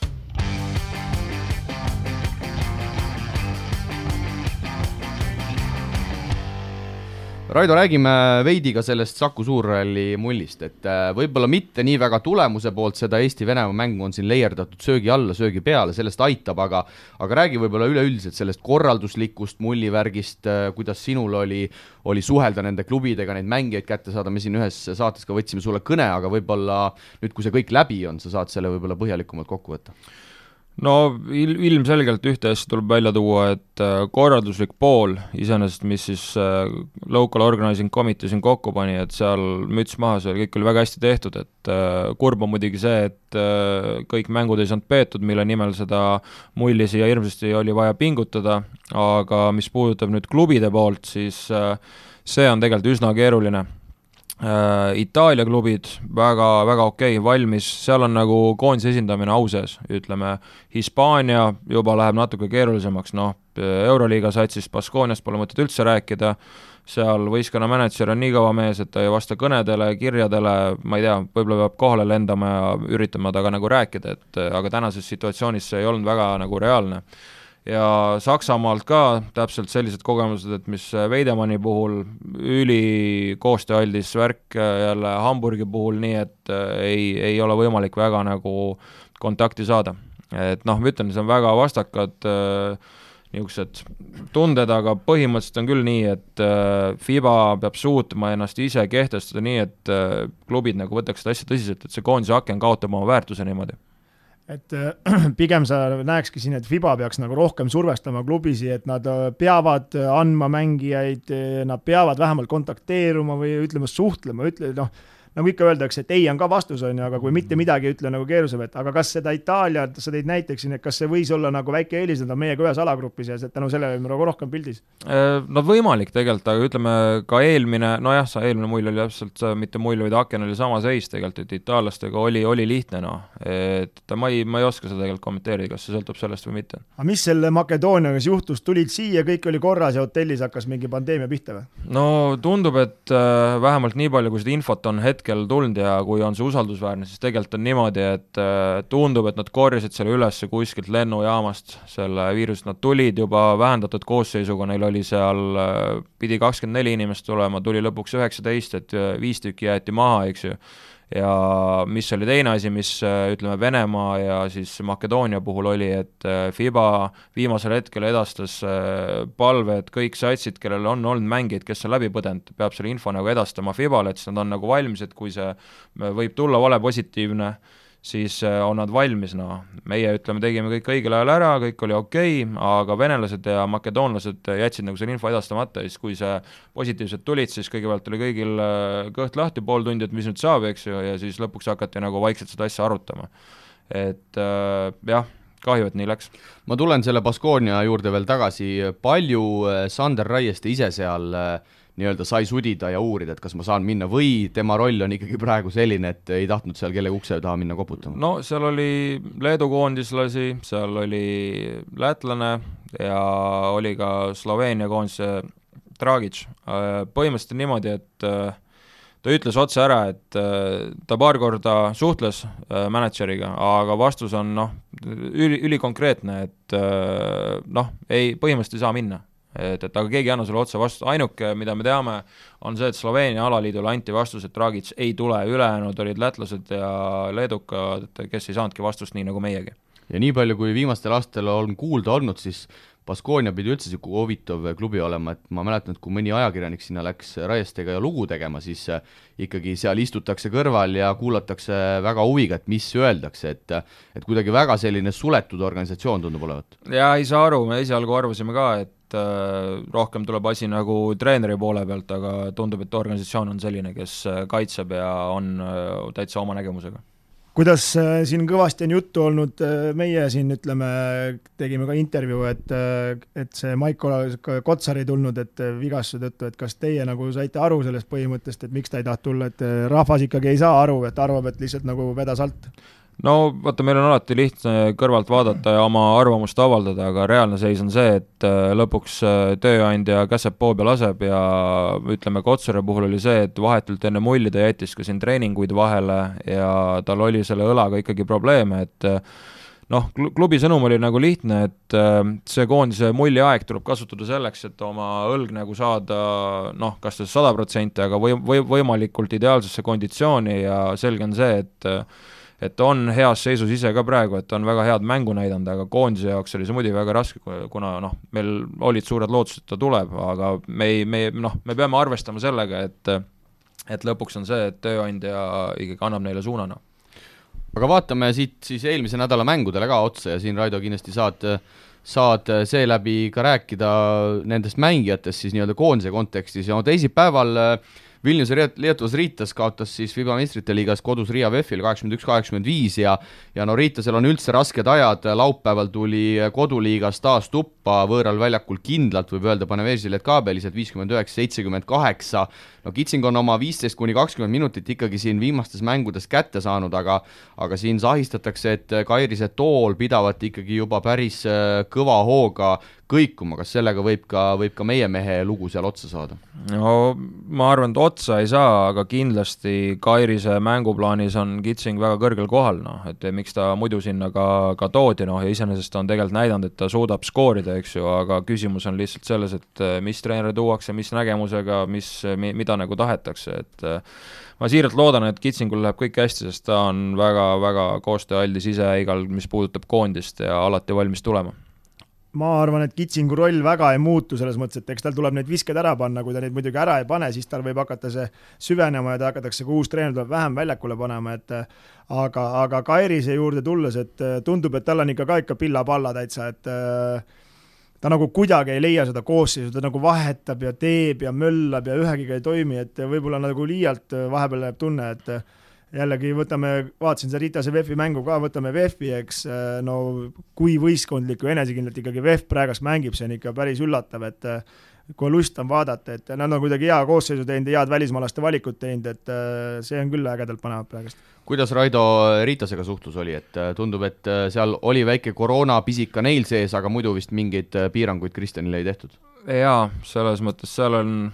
hästi lihtne on kokku võtta nii, et seal on uus uh, nii-öelda siis äh, mänedžer võistkonnal, kes on noor mees, et tal ei ole veel nii palju kogemust, et äh, jebida erinevaid äh, koondise mänedžere siis, et temaga suhtlus läks lihtsalt ja meie suureks plussiks oli see, et Ritasel oli ka Leedu koondise mängijaid. et kui seal see väike koroona case oli, et kõik testiti ära ja kui siia jõudis, oli veel lisatestimine, et ma ei kujuta ette, kui Ritas ei oleks lubanud Leedu koondisesse neid mängijaid, kes on seal valikus, et siis oleks väga keeruline seis olnud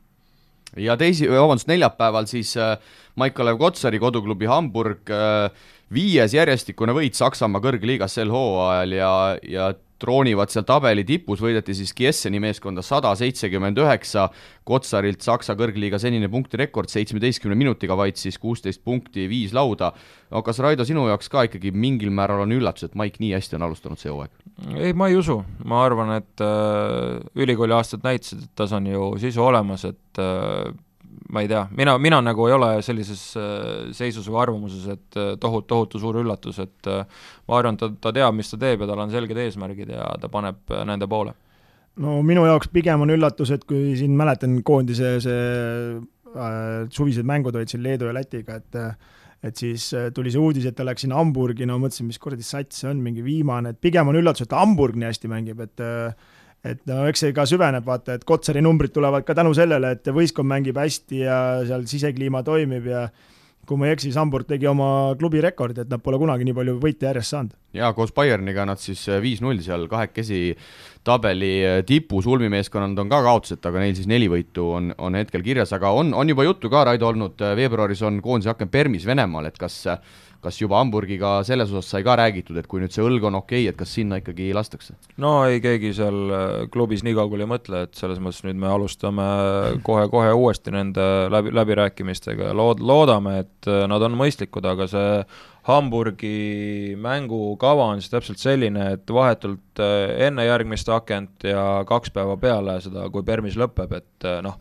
see on see, mis paneb jälle Kotsari surve alla, noh aga eks me üritame selle klubiga rääkida, et siin äh, näiteks selle, okei okay,, me räägime Saksa esiliigast, aga Veidemanni klubi isegi suutis oma mänge liigutada tänu sellele, et oli koondise aken, noh et siin on väga, oleneb, kas sa tahad koostööd teha või ei taha, noh no eks siin äh, Saksa koondis mängib ka ju samamoodi aknas arvatavasti, et seal oleneb ka nendest mm -hmm. asjadest kõik ja ja no ütleme nii, et kui ma olin kahe käega selle poolt, et ta las ta veel ravib oma õlga ja jääb siis eemale ja nüüd, kui mul see Makedooniaga mäng ära jäi, siis järgmises aknas oleks meil hädasti vaja, see Makedoonia on meil vaja ikkagi ära loputada ja ikkagi jõuda sinna finaalturniirile, et siis oleks maiki vaja ja me peame ikkagi parima koosseisu, see ei garanteeri muidugi, et me võidame, aga peame püüdma parima koosseisu panna kokku, kellega siis ikkagi see Makedoonia ära võita. Sander Raieste siis laupäeval sai üle pika aja taas ACB liigas väljakule, võõrsil võideti tabeli lõpuotsa kuuluvat Real Betisi seitsekümmend seitse, seitsekümmend kolm ja ja ligi kümne minutiga siis Raieste sai ka ühe punkti kirja, et äh, ilmselt ikkagi suuresti täna so-, tänu Zoran Dragic'i äh, vigastusele taas. Jaa, eks üldse väga keeruline on tegelikult kommenteerida seda Raieste seisu seal, sest et kui enne seda vahetult koondise akent ta polnud, ma ei tea, ma arvan, mingi kolm-neli mängu mängida saanud, siis järsku pandi algviisikusse ja mängis kolm minutit ja peale seda oli jälle pealtvaataja, et noh, et jääb väga palju küsimärke. jaa, et siin viimast mängu vaadates neil Maccabiga, siis teisel poolajal aeti Kuurits püsti pingilt, läks, tegi mingi kaheminutise seti, lasi seal mingi kuradi korvi panna ja võeti pingile, siis näitas time-out'i ajaks, siis ta kurtis Raiestele, kuidas ei tea, mis ma nüüd valesti tegin ja siis kahekesti naeratasid seal ja no ei ole midagi, istume edasi, et vaatame, varsti tuleb jälle mäng, et äkki saame, et nad, see Kuurits ja Raieste ja siis äh, leedukas, kes on leedukas muidugi selles mõttes müts maha, et see vend on nagu täiesti pohhuist tundub, et tuimalt laeb peale, proovib, teeb, et teab, et kaotada midagi pole, et hea mentaliteet on sellel mehel vähemalt ja õnnestus ka või kaks-kolmest MM-mäng. no see Ivanovitš lisaks huvitavale soengule on, on üldse niisugune omamoodi mees, et viimase Euroliiga mängus vaatasin, et selle, selle superstaari Pierre ja Henriga ka seal ikkagi jagavad mingil määral maid, et, et tundub, et selle mehega ei ole, ei ole kuidagi lihtne seal, seal toimetada absoluutselt, see et... on teine, teine tase on see, me ei kujuta ette, mis seal toimub. ja, ja, ja usu mind, et rividrill. ja, ja, ja oota, kuni see Vildosa tagasi tuleb, siis Peri Henri alles hakkab saama oma neid vitsasi kätte, sest hetkel tal lihtsalt polnud kedagi panna väljakule, et ega sel mehel vist meelest ära ei lähe, et ta võib praegast laiata, aga nüüd ta peab ikka tõmbama tagasi, et kui see Vildosa tuleb, siis võib vabalt pingi otsa minna jälle. tuleme aste madalamale ka, Kristjan Kullamäe koduklubi siis Palma mängis ka laupäeval Hispaania esiliigas ja võideti võõrsil Granada meeskonda seitsekümmend, kuuskümmend kolm, võistkonnal küll nii hästi ei lähe, aga aga Kristjan on hästi alustanud seda hooaega ja Granada vastu siis kolmkümmend kolm minutit, neliteist punkti, neli söötu, no palju sa Raido Kullamäest rääkida saad, et tema tulek jäi vist ikkagi puhtalt koroona taha? Jaa, jaa, absoluutselt, seal oli ütleme siis klubis äh, treener andis positiivse koroonaproovi, siis me proovisime ikka väga-väga kõvasti, et meil siin äh, eh, pre-, siis peaministri kantselei meid siin aitas igatepidi ja aga lõpuks ikkagi oli see, et et, et äh, klubi ei olnud selle asjaga mitte kuidagi nõus, et ta ikkagi tuleks, et äh, ja samas oli ka see, et ma oleks ise pannud äh, Kristjani nagu rumalasse olukorda, et kui ta oleks tulnud siia, siis seal oli veel see, et peiteaeg polnud läbi, et ta oleks tulnud siia, oleks ta andnud positiivse proovi, siis oleks tähendanud seda, et ta oleks pidanud neliteist päeva siin istuma, noh, ja siis me oleks võinud ta üldse ära unustada, et me veebruaris ei saagi teda, noh. et, et see on jube keeruline no vaata, tagantjärgi on alati hea rääkida, et, et nüüd, kui see Makedoonia mäng ära jäi ja Venemaa käest kolaka saime, noh, ma arvan, et äh, arv, vaadates seda Venemaa mängu Eestiga, et ega poleks väga palju, ma arvan, Kotsar ja Kullamäe ka siin aidanud ja Raieste, et noh, võib-olla vähe ilusam oleks olnud, aga, aga ma kardan, et Venemaa ikkagi oli meist nii, niivõrd palju üle sel hetkel äh, ja valmistusega, et neil oli ikkagi, nagu ma aru sain, nädal aega või kümme päeva tegid trenni ka ja neil nagu see asi oli nagu hästi, et et nüüd tagantjärgi võib öelda, et äh, ei tulnud ja loodame, et järgmisel aknal ikkagi saame, et midagi hullu sellest ei juhtunud. aga tegelikult äh, Kullamäe eemale jäämine võib-olla, et oli ikkagi kõige valusam, olgugi et Kristo ütles, et siin võib-olla Venemaa vastu ei oleks nii või naa varianti olnud, sest et noh, Ger tuli meile appi, me teame, nagu läks, seal on omad põhjused, teine point guard oli Siim-Markus Post, kes oli ka ju tegelikult väikse vigastusega äh, maadlemas, et, et tegelikult see Kullamäe eemale jäämine võib-olla selle mängu kontekstis oli kõige isegi valusam. no eks tagantjärgi on äh, lihtne spekuleerida ja arutada, et mis, mis oli õige, mis oli vale, et noh, ma arvan, äh, minu, minu kohustus ei ole nagu mängu analüüsida, aga lihtsalt nagu kokku võtta, siis ma arvan, et mänguks valmisolek ei olnud hea, et see oli esimene asi, miks ta nii lappesse läks ja teine asi, et seal venelased nii hästi kolmesid tabasid, noh, see oli juba tingitud sellest, et me lasime selle asja nagu käest aga Kullamäe kindlasti oleks äh, mänginud väga tähtsat rolli seal, et, et äh, Ger-, esiteks mina arvan, et kõik mängijad, kes kohale tulid, nende, neid tuleb kindlasti nagu äh, noh, tunnustada, et sellises seisus ei ole üldse lihtne tulla ja see, mis Kriisa ette võttis, et see see ikka nõudis tema enda poolt väga palju lobitööd ülikoolis, et ta üldse tulla saaks ja noh, me enda poolt andsime kõik, mis vähegi anda oli, et see, et see mäng tuli nii, nagu ta tuli, et ega noor mees saab neid asju parandada, ei ole probleemi jaa, ega päevad ei ole vennad ja ärme siin hakka kedagi risti lööma selles mõttes, et et äh, igal juhul Kriisalt äh, kõva etteaste, et selle pika reisi ette võttis ja, ja noh, eks teises mängus oleks ta juba vähe rohkem äh, ütleme, toibunud ja sellest ajavahed ja asjad, et oleks hoopis teine mäng olnud, aga, aga kahjuks seda teist ei tulnud ja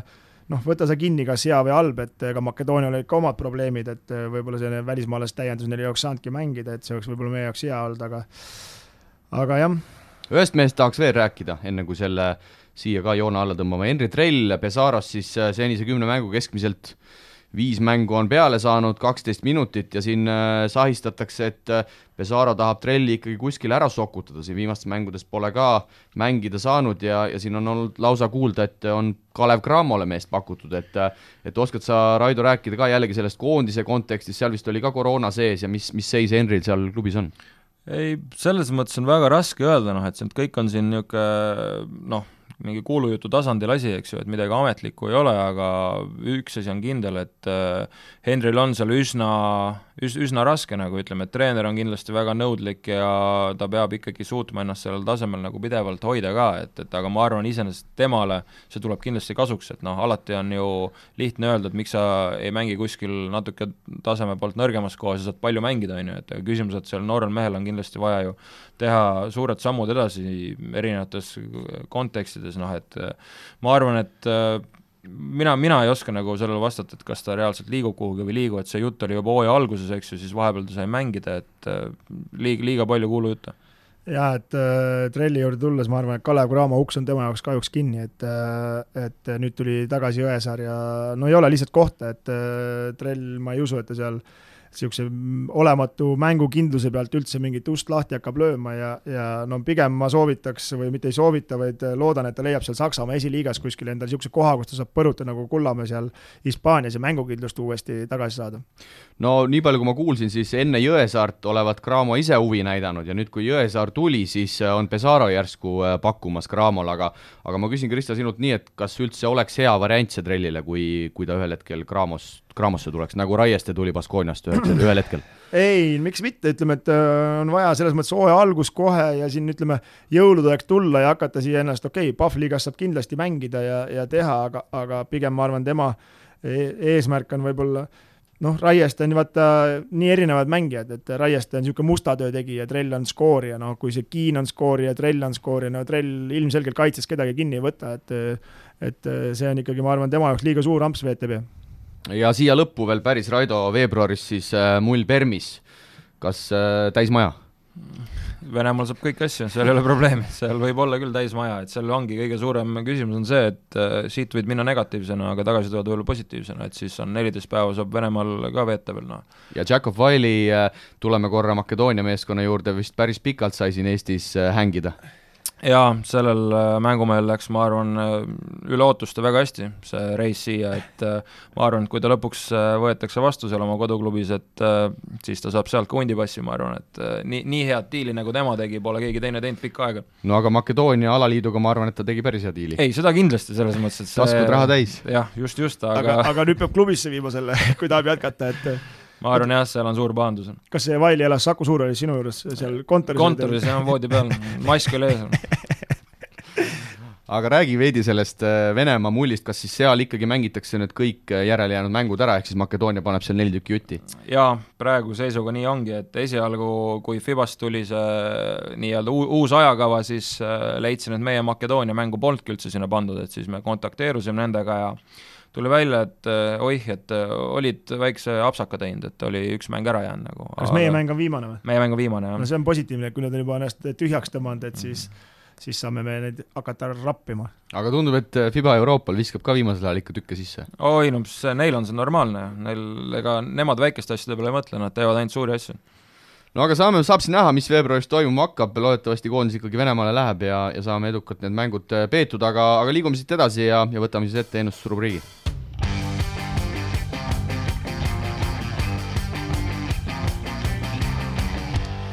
Nordeid ja meie suur Kristo ennustusmäng ja, ja viimane voor on siis veel jäänud, kaheteistkümnes. Ja tead sa enda tulemust ka viimasest voorust?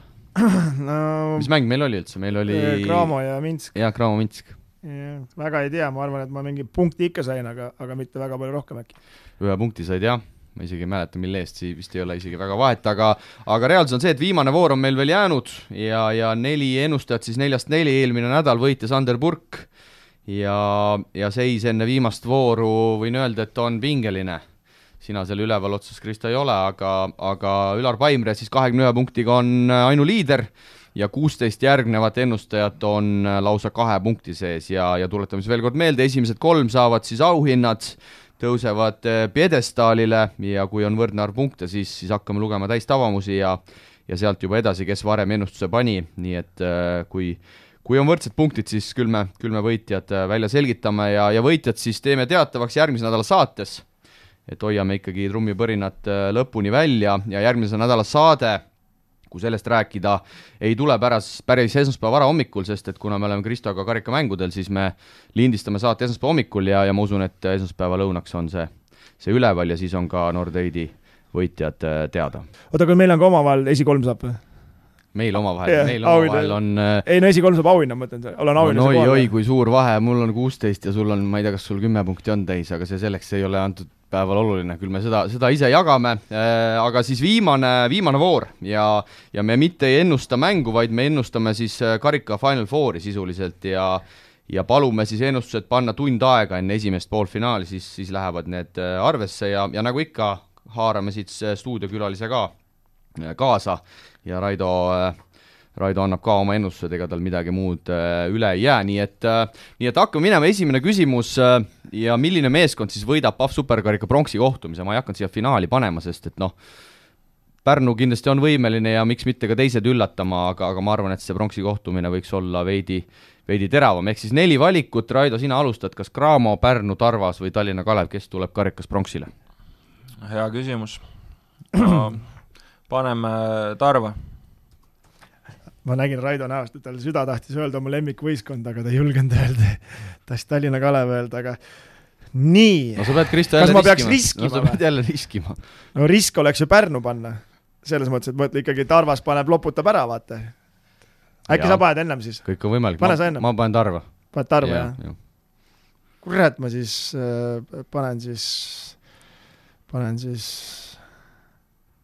oh ei seal Tallinna Kalevis pole ka mitte kedagi. vaata, sinu probleem ongi see ilmselt, et sa iga nädal mõtled liiga kaua. pane no... spontaanselt, mis esimesena pähe tuleb ja, ja ma arvan, et sul oleks ka see, see Nordeid ennustusmäng paremini läinud. Davai, Pärnu. Nonii, väga hea. Äh, milline mängija viskab Pahv superkariku finaalis enim punkte? vahet ei ole, kas kaotaja, kaotaja või võitja, Kiin. Jõesaar. mul ka Jõesaar pihta. nüüd läheb sul, Kristo, raskeks. ei, see on minu trump, ma tahtsingi öelda, et see ikkagi lõpus paneb minu kumb naiskond, naiste finaal mängitakse ka ära Rakveres ja mängitakse see ära pühapäeval ja Kristo, esimest korda oma pikas elus sa kommenteerid naiste korvpallimängu ütleme nii, et lõpuks on jõudnud minu trumpalad ikkagi kohale ja, ja ütleme nii, et sinu vastust ma tean arvatavasti naistekarika võitja koha pealt, et ma panen Tartu siis. nii, Tartu äh,. Raido? no ma ikkagi jään Tallinna Ülikooli juurde. Tallinna Ülikooli juurde, okei okay., ma panen ka Tartu Tartu Ülikool Kalev, ma arvan, et võidab. minu järgi jälle no.. nii et äh, niimoodi hoiab, kardab, et kukub ära noh. nii et äh, aga ma usun, et see finaal võiks tulla ka üsna põnev, sest et tegelikult sel hooajal on mängitud ka omavahel ja on mängitud äh, suhteliselt võrdselt, no sina, Raido, oled ka naiste korvpalliga päris hästi kursis, et tegelikult päris keeruline on seal favoriiti isegi välja öelda, et Tartu minu teada karikamängu alagrupis võitis, aga ja. Tallinna Ülikool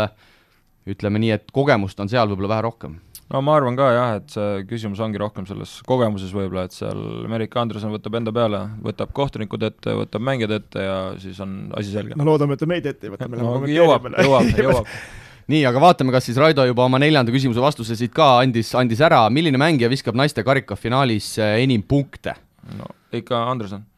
no ma tean Tartust ühte naist, kes korvpalli mängib. siis meil on jälle sama, siis meil on jälle sama vastus Anna-Gret Asi, jah yeah.? no siis me oleme samas, samas paadis äh,, äh, olgu, ja nagu siis öeldud, kahekümne esimesel äh, saates siis teeme esikolmiku äh, teatavaks, Kristo toob trummid ka ja, ja, ja loosime siis äh, parimatel auhinnad välja, aga saade hakkab vaikselt läbi saama, viimane rubriik, Poolsi kuulajate küsimused. kuulaja küsimus mängule paneb õla alla Poolsi, parima valikuga ketsipood Eestis, tutvu valikuga www.poolsi.eu. täna on taas kolm küsimust ja, ja ja hakkame siit kohe algusest minema, Andrusel on pikk küsimus, vaatame, kas ma seda kõike äh, jõuan ette lugeda, tere mängumehed, alustuseks mainin, et ajate väga head asja ning minu poolest võiksite isegi pikemalt lobiseda, sest heast asjast ei saa kunagi üllalt. Kristo, sul proua jälle varjunime all ma tahtsin just öelda, et kas see on meil mingi stamp see sissejuhatusega ma ise kirjutan selle ise igale Küsi küsimusele juurde. küsimus tuleb nüüd, mis küsiti, aga see oli nagu ette pandud, jah. nii, nüüd küsimuse juurde uh,. huvitab selline teema nagu publik ja selle mõju mängijale. kõik mängumehed räägivad, et kuues mees väljakul ehk fännid väga olulised rasketel aegadel mängijatel tiivad emotsionaalse toe, samas näiteks peale koondise mängu, kus oli täismaja publikut ja sellegipoolest mäng kaotati, andsid koondised meediale intervjuusid ning nentisid, et täismaja kodu, kodupubliku ees mindi krampi ning toodi seda välja kui kaotuse üht põhjust. kuidas selle fännide toega siis ikkagi on? samas peale meie koondise viimast mängu Venemaaga jälle vihjati, et publiku toetusest tunti puudust. et saa nüüd siis aru. ise pakun, et see võib olla igal mängijal erinev, mõni naudib, mõnel võtab jala, jala värisema, et mõni ei pööra sellele, sellele üldse tähelepanu et kuidas sellega siis äh, Raido on, sina oled ka ikkagi olnud kõrgel tasemel mängumees äh,, kas publikuga või publikuta? no alustuseks ma ei tea, kui kõrgel tasemel, aga Eesti mõistes midagi on nagu mängitud, aga ei, ma arvan, et äh, üks asi on oluline, et äh, publik on väga suur osa sellest ja võib-olla see, et keegi läheb rivist välja, on see, et sul pole kogemust lihtsalt veel, et äh, tegelikult iga mängija naudib seda, kui sul on ikkagi rahvast on palju ja on hea mängida. no nii, Kristo, sa saad nüüd rääkida jälle, kuidas sa mängid publikule yeah, ja see on sinu jaoks yeah, kõige olulisem yeah,, no nii yeah,, ma kuulan yeah,. ei, ma tahtsin just Raidole öelda, et kas peatreener võttis jala värisema ka, et kui Tallinna Kalevi ultrafännid kõik kohal olid, et kolme, kolm inimest võib ka survet avaldada selles mõttes, et, et ei pea olema kolm tuhat, on ju, et aga aga mul tuli kohe meelde selle küsimusega üks näide, mis mul äh, endal oli, et äh, kõigepealt oli see ehitustööriistaga, äh, kui läksime Saku Suurhalli ja, ja astud saali sisse ja vaatad, Saku Suurhall on puu püsti täis, noh. minusugusel pohhuistil, no ega ma seal eriti palju mängida ei saanud muidugi, on ju, aga, aga, aga mul ei olnud isegi vormi seljas, on ju ja täpselt sama seis oli Bulgaaria ja Eesti nagu, kui läksid, sõitsid juba saali ja vaatad, kuidas on järjekord, et pandi viissada piletit veel äh, elavas järjekorras, et äh, kaks tundi enne mängu inimesed seisavad, no ja tahavad saada mängule, et see teeb südame igatpidi soojaks ja e-, ekstra motivatsiooni annab ja ja tõmbab nagu käima, et igal juhul publikuga, et et ikkagi tõesti ja Rakveres samamoodi, kui oli, et tulevad need samad ajad meelde kolm korda, mis ma olen muidu mitu korda rääkinud, aga aga ma ütlen ikkagi, publik on oluline ja ma arvan, et need mängijad, kellel lööb jala värisema, see lööbki esimene kord, noh, ja pärast sa saad selle nagu ekstra emotsioon, ütleme, et no Salgerise näitelgi toome selle, et no Salgeris on täiesti null, nende jaoks on ikkagi see kuues mees väljakul, see on niisugune ma ei tea, ma, ma ise lihtsalt puusalt pakun seal lihtsalt ennustust, et see on niisugune kümme pluss punkti ja ma ei tea, mõni vahelt lõige või kaitses seismine, mis on nagu see lisaenergia. aga ütleme, olles saalis Eesti-Venemaa mängul, siis äh siis äh, sel hetkel ma sain küll aru, et meie koondise jaoks see täis Saku Suurhall on ikka ütlemata oluline, okei okay,, seal võib olla mõni mängija, kellel võib-olla viskab vibra sisse, aga see on täiesti okei okay,, see peabki, peabki nii olema, aga me oleme ikkagi aastaid tegelikult oma kodupubliku peal mingil määral ka liugu lasknud. Äh, kindlasti, see on nii oluline asi, noh, ega lõpuks äh, kellele me siis seda mängu mängime, noh. et, et sa ikkagi mängid, koondis mängib oma rahvale, et sest antud hetk see viimane mull, see Venemaa mäng, no see väga harjumatu, endalgi läks seal aega viisteist, kakskümmend minutit mängust, kus äh, sa ei saa aru, mis pull on, et äh, inimesi ei ole, noh. et äh, võib-olla sa loed selle teise küsimuse osa ka ette, et siis saab siin nagu edasi rääkida? jaa, kohe, Kristo. nii, teine küsimus, teine osa siis Andruse küsimusest. Markus Kiini näpu näitamise valguses tunneks ka huvi, et kas mängumees Saage on ka tundnud kiusatust äh, räuskevaid fänne näpuga või verbaalsel moel kostitada? kiusatus on kindlasti tekkinud, kõike parimat ja kaunist peatset jõuluaega soovides, Andrus ja et äh, see teine osa nagu toob selle välja, mitte et see minu osa, aga, aga et äh, kui sul on rahvassaal täis ja, ja sa kindlasti selles mõttes kuuled äh, nende nagu reaktsiooni sellele mängule, eks. kiusatust on ilgelt olnud näidata Kalev Cramo fännile, arvates sel samale fännile, kellele see Kiingi näitas, et Tartu Rockiga mängisime finaalis, siis äh, sain vabavisket, siis üks mees karjus seal, et Kristo Saage, vajasime Asko Paden, oleks veits hinge küll nagu, et, et, et kiusatus ikka on, aga päris äh, Fuck'i olen ma vist elus näidanud Vinni saalis äh, Tobile, kui ma ei eksi, et äh, kui Pekka lõi ninaluuga ninast vere välja, siis seal Vinni saali ees vilistasin, näitasin Tobile Fuck'i, et äh, see ei olnud muidugi ilus käitumine, aga jah, et see oli ka omamoodi naljakas, et kuueteistaastasena nad natuke sõitis ära küll. aga huvitav, ma hakkasin praegu mõtlema, Raido, miks teda vaesema Asko Paadeks nimetati? ma ei tea, mulle tundub, et sa, mingi jama on igal juhul eks mind on siin igatpidi ka tõgatud, et aga no see on nüüd mängu osa, selles mõttes ma ei tee sellest välja, et, et siin on igasugu äh, asju on olnud, aga ma ikkagi ütlen ikkagi, et publik on ülitähtis selles mõttes, et äh, vahet ei ole, kas nad on sinu poolt või sinu vastu, et äh, ütleme siin mängides Raplas täismaja ees, et äh, kõik kisavad väikses saalis ja sa paned selle kolmese kotti, see annab niisugust lisaenergiat ka noh, teine variant on, et ta tõmbab sul ütleme, viib rivist välja täiesti ja jooksebki kokku, on ju, aga, aga ikkagi ma ei tea, mina olen harjunud kuidagi lärmi sees mängima ja mulle nagu meeldib äh, mulle meeldib äh, siis noh, ebaõnnestumisi on ikka rohkem olnud kui õnnestumisi, aga kui mingi õnnestumine tuleb, siis tuleb eriti hea tunne sisse. aga mäletate te, mehed, äh, võib-olla oma mängija ajast või, või varasemast äh, mõnda mängijat või mängijaid, kes, kellele meeldiski fännidega suhelda, kas siis sõbralikult või, või verbaalsel moel neid kuidagi kostitada, et kas selliseid mängijaid tuleb mõttesse? No eks saage ikka on. ei no see ongi vaata noh, selles mõttes, et ikka ütleme, kõik oleneb mängu sellest seisust ja pingelisusest ja nii edasi, et no sa ei, ma ei tea, time-out'iga ei lähe, Andres Sõber võtab time-out'i, siis sa lähed räägid kuradi fänniga juttu, samal ei kuulagi, mis, kuidas Andres risti joonistab, et mingi uus olukord võib-olla, et on ju, aga aga ei no niisugust otsest rääkimist, niisugust ma ei usu, et kellelgi on, selles mõttes, et ükski treener selle peale hästi ei vaata, esiteks on ju, ja, ja niisugust luksust endale keegi lubada ei saa, ma arvan, et et äh, no pärast mängu ikka, kui keegi küsib või no ikka fännid ootavad ja ikka seal mingi mõne nalja viskad või mida iganes, on ju, aga aga, aga, aga jah.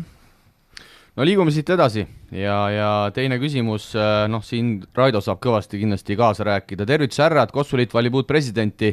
laekus üks kandidaat, Priit Sarapuu, kuulasin tema mõtteid ühes podcastis, kõik ilus, tore, aga kõike seda visiooni kuulates jäi mulje, nagu ma oleks seda kõike juba varasemalt kuulnud. Äh, väga erilisi mõtteid, ideid välja ei käidud, vaid kõik baseerus kuidagi elementaarsele, a la parandame koostööd, suhtleme rohkem, paneme plaani paika ja siis vaatame. küsimus, kas Eesti korvpall on nii valmis, et võiks hakata nii-öelda peenhäälestusega juba tegelema või hoopis näitavad need laused seda, et varasemalt on kõige elementaarsemad elementaarsemad asjad jäetud unarusse. millised on teie arvates need suurimad valukohad Eesti kossus, mida võiks muuta esmajoones ning kuhu suunas me võiksime liikuda, kõike paremat, pallid korvi, Marko.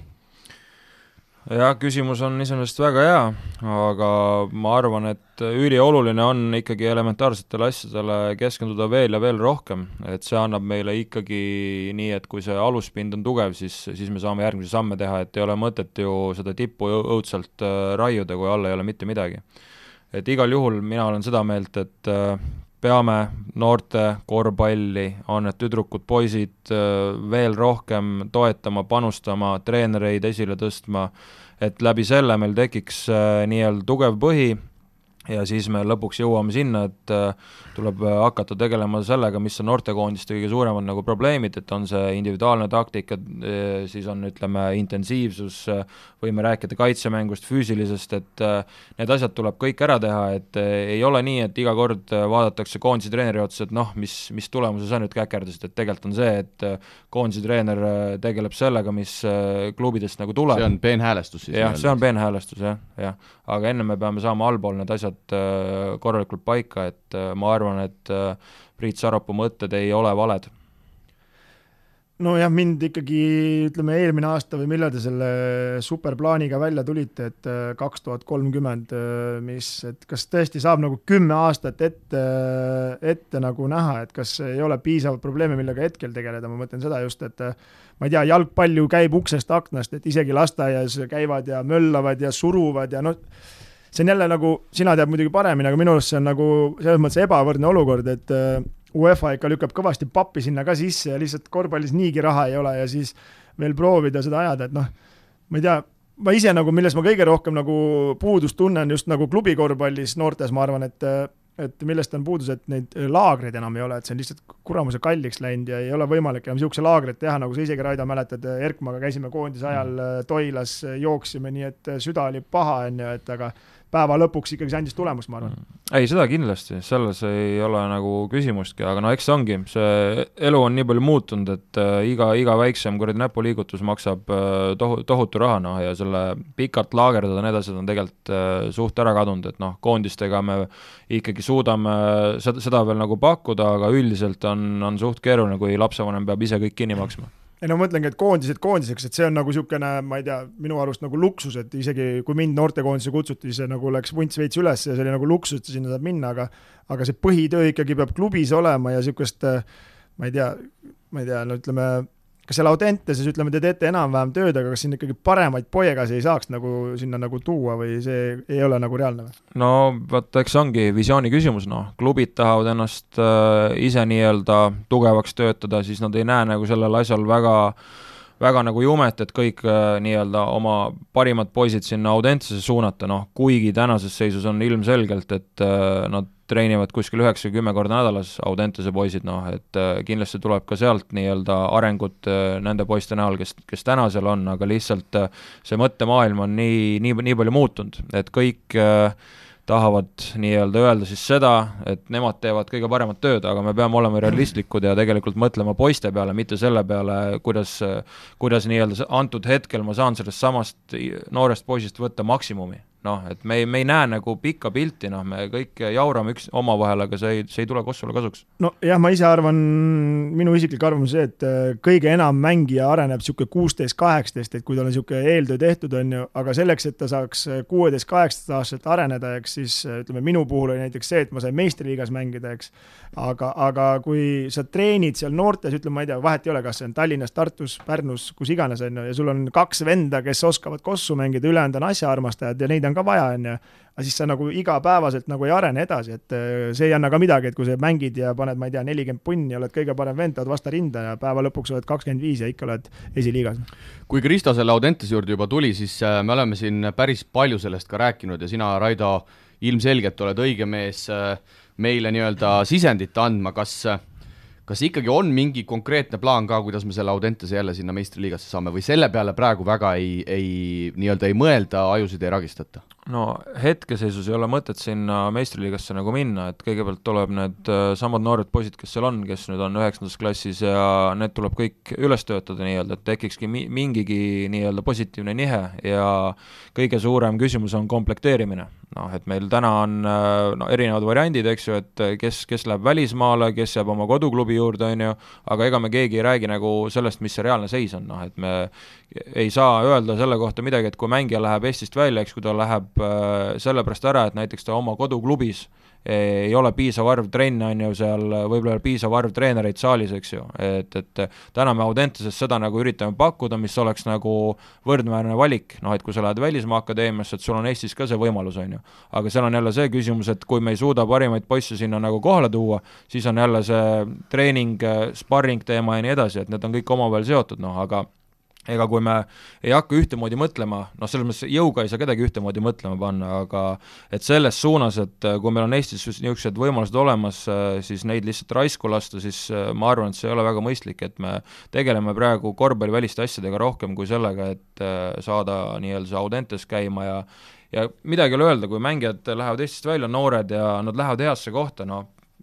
ei saa ju kätt ette panna, noh, eduvalemeid on erinevaid. ma ikkagi küsiks, et äh, millal sealt neid tagasi hakkab tulema siis, neid mängumehi, et äh, väga, väga ausalt, ma ei tea, neid on ikkagi hordide kaupa läinud, et äh, aga tagasi nagu, et kes oleks tulnud ja oleks nagu nii-öelda mängumees on, suudaks kas või Pahvliigas nagu asjad nagu käima panna, ma ei tea, siin on erinevaid on käinud siin, selle aasta alguses oli ka siin mingid Jaaksonid ja kes need on siin olnud, on ju, et aga ma nagu ei näe niisugust, et nad oleks nagu mingi kõva tulemust teinud. ja ma ütlen, et võib-olla see on pikem perspektiiv, aga minu arust need aastad lähevad nii ruttu, et äh, vähemalt enda, enda, enda ajast mäletad, et kui sa olid kaheksateist, üheksateist, olid tegija, olid pildis, on ju, aga kahekümne kahe kolmeselt enam ei huvitanud kedagi, no siis olid tavaline kaer, noh Äh, kas, kas sa nii palju, Raido, saad, ütleme, öelda välja nendele emadele, isadele, poistele, kes võib-olla meie saadet kuulavad, et, et äh, Audentesel korvpalliliidul ikkagi on see eesmärk, et see võistkond oleks ühel hetkel kõrgliigas, et et ütleme, et kui meid kuulab äh, ema-isa, kelle poeg on praegu kuuendas-seitsmendas klassis, nad mõtlevad, kas tulevikus minna Audentese teed või mitte, ja nad ikkagi juba vaatavad veidi võib-olla pikema pilguga, et kas see võistkond ühel hetkel mängib ka noh, on ta siis Pahvliiga või on ta Eesti meistriliiga, et kas see, kas see eesmärk ikkagi kuskil sahtlis on olemas? Jaa, ei kindlasti on olemas, meil on e eesmärgid ka vähe, vähe nagu suuremad, on see, et rahvusvaheline väljund kindlasti niisugune konkreetne iga hooaeg, kus käia ja mängida ja tegelikult äh, ka niisugune mängija karjääri planeerimine, et kui ta tuleb äh, Audentesesse, et siis tal on juba pilt ees, mis suunad teda ees ootavad, et selle nimel me teeme tööd, et äh, nii, nii on nagu tunduvalt lihtsam oma, oma elu planeerida ja sama on ka see, et kui see poiss läheb äh, välismaale, siis mis sealt oodatakse, oodatakse seda, et ma mingil konkreetsel turul olen nii-öelda see homegrown player ja mul on seal eelis lihtsalt. aga noh, me peame ise suutma ka siin seda pakkuda, et kas see on USA-sse minek, on see kuhugi akadeemiasse või on see Eesti-Läti liiga, see kõik vastavalt äh, mängija tasemele ja see sinu küsimus nagu oli natuke provotseeriv, Siim, et sa saad ju ise aru, et me alles mängisime reedel Audentesega, et neil on meistriliigasse ikka väga vara veel minna, et kõigepealt on vaja esiliigas plats puhtaks lüüa, et ja, ja seda tahaks nagu e eelkõige näha. Ja siis võib-olla samm edasi teha, et siin ma olen nagu seda meelt, et kui nad nüüd suudaks niisuguse noortekoondise nagu ütleme, olid need Kullamäed ja Trellid ja kes siis olid nagu, okei okay,, said neljakümneseid litakaid, pole probleemi, on ju aga nad olid mingis mõttes ikkagi pildis ja see tegi neid paremaks, on ju, et nüüd oleks vaja niisuguseid mehi veel sinna Audentesse saada ja esiliiga peab kindlasti alles jääma, et paralleelselt panna. ma tulen korra Marko küsimuse juurde veel, veel tagasi, enne kui me siit kolmanda küsimuse juurde läheme äh, laekus üks kandidaat, Priit Sarapuu, kas sa, Raido, selles suhtes oled, oled nõus, et meil võiks ikkagi neid kandidaate, tõsiseltvõetavaid kandidaate rohkem olla, sest et seda debatti tegelikult oleks vaja, eelmine kord ka, kui ma ei eksi, Salumets oli, oli ainsana, et et mis see põhjus on, miks ei tulda välja oma mõtetega, siin ma tean, et tagatubades on, on kritiseerijaid eh, enam kui küll, aga millegipärast, kui on kandideerimisaeg, siis meil on üks mees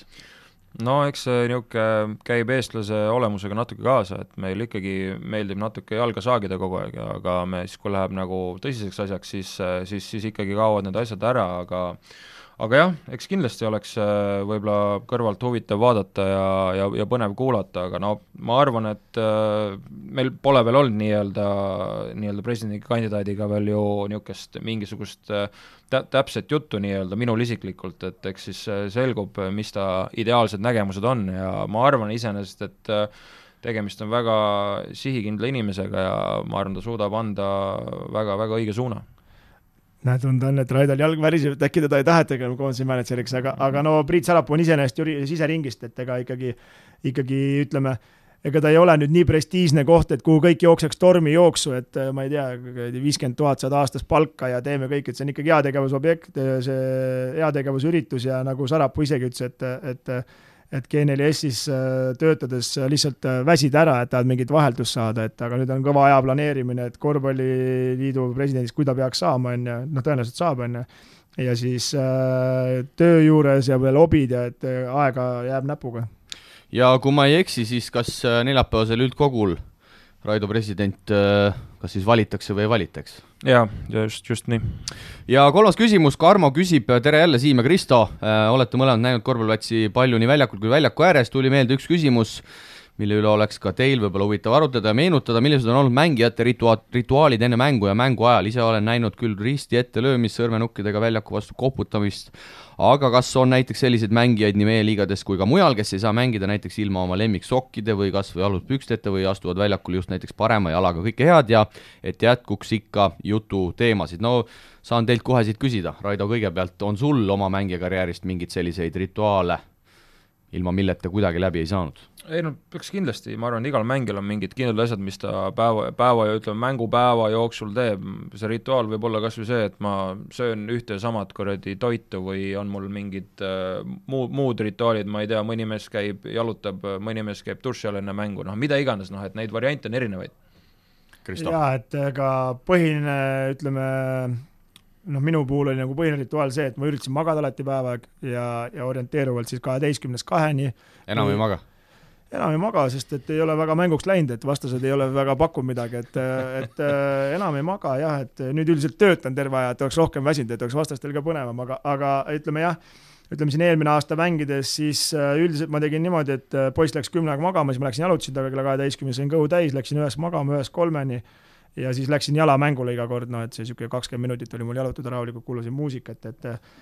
no mul kõige rohkem, mis mul meelde tuleb, kui ma omal ajal NBA-d vaatasin, siis äh, Jeff Hornacek oli niisugune mees, kes alati vabaviske ajal tõmbas nagu tuka paika enne viset, noh. et äh, see oli nagu naljakas, et iga vabaviskega, et see oli nagu tema keskendumine. ja siis on siin olnud mehi ju, kes teevad ümber, ma ei tea, mitu tiiru ümber selja palliga enne vabaviskele, et see aitab sisse visata, et no mingeid niisuguseid rituaale tuleb nagu meelde. võis, võis olla, aga, aga võistkonnakaaslaste juurde tulles, on, on midagi eredat teil oma pikkadest karjääridest meelde jäänud? Vahter pani õlli alati enne mängu, seda ma mäletan, et aga, aga aga rohkem ei tule nagu meelde, et ei tegelikult oli nali naljaks, ei, ei seal tule. mets, seal metsatukas, kus te koos elasite? no see oli niisugune rituaal, et enne, päev enne mängu, et alati käsi pehmeks tõmmata, et tõmmati üks kast ära, aga ei, tegelikult ei olnud nii hull asi, et aga aga ei tule küll niimoodi meelde, et ähm, ei, teiste kohta ei oska rääkida. kuidas on, Raido, Bogdan Bogdanovitš või kes teil seal ümbrits oli, oli midagi humorikat? no see oli jah tema, tema, tema oli väga huvitav kuju, et tal äh, meeldis alati tagamängijad äh, nii-öelda ära töödelda enne mängu, et ikka noh, et ma olen nurgas vaba, et ikka püüa mind leida, et noh, et see oli tema rituaal nii-öelda. aga ma olen midagi sellist kuulnud selle mehe kohta, et oli vähe niisugune kom-, korpulentsema kujuga mees ka ja ja läks sauna, siis pani selle toidukile endale ümber, kas see vastab tõele või see on mingi, äh, mingi müüt? ei ole, ei ole, see, see, see oli täitsa reaalne, enne, enne, enne play-off'i meil oli Audentases treenisime Nüübitiga ja siis oli oli Bogdan Bogdanovitš ja siis oli üks, üks Vene, Venemaa mängumees ka ja siis äh, trenn käis ja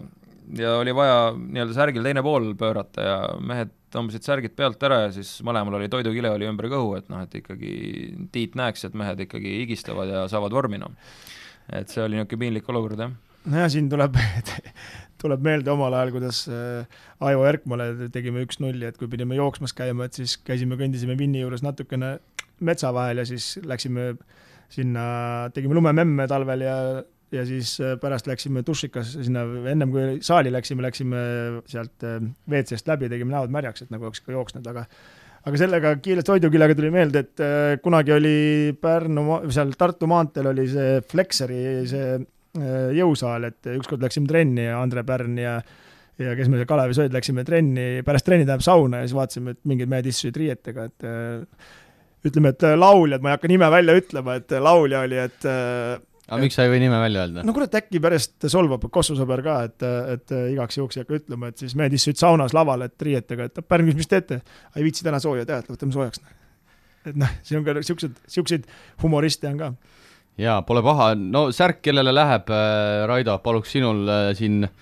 siin hinnang anda, Karmole me selles suhtes ei anna, et Karmo on juba, juba korra saanud, kas, äh, kas esimene küsimus Andruse poolt, mis oli siis see fännide värk, või Marko, kes küsis Korvpalliliidu äh, liidu uue presidendi kas sa siin nagu iga kord, kui meil külaline on, et sa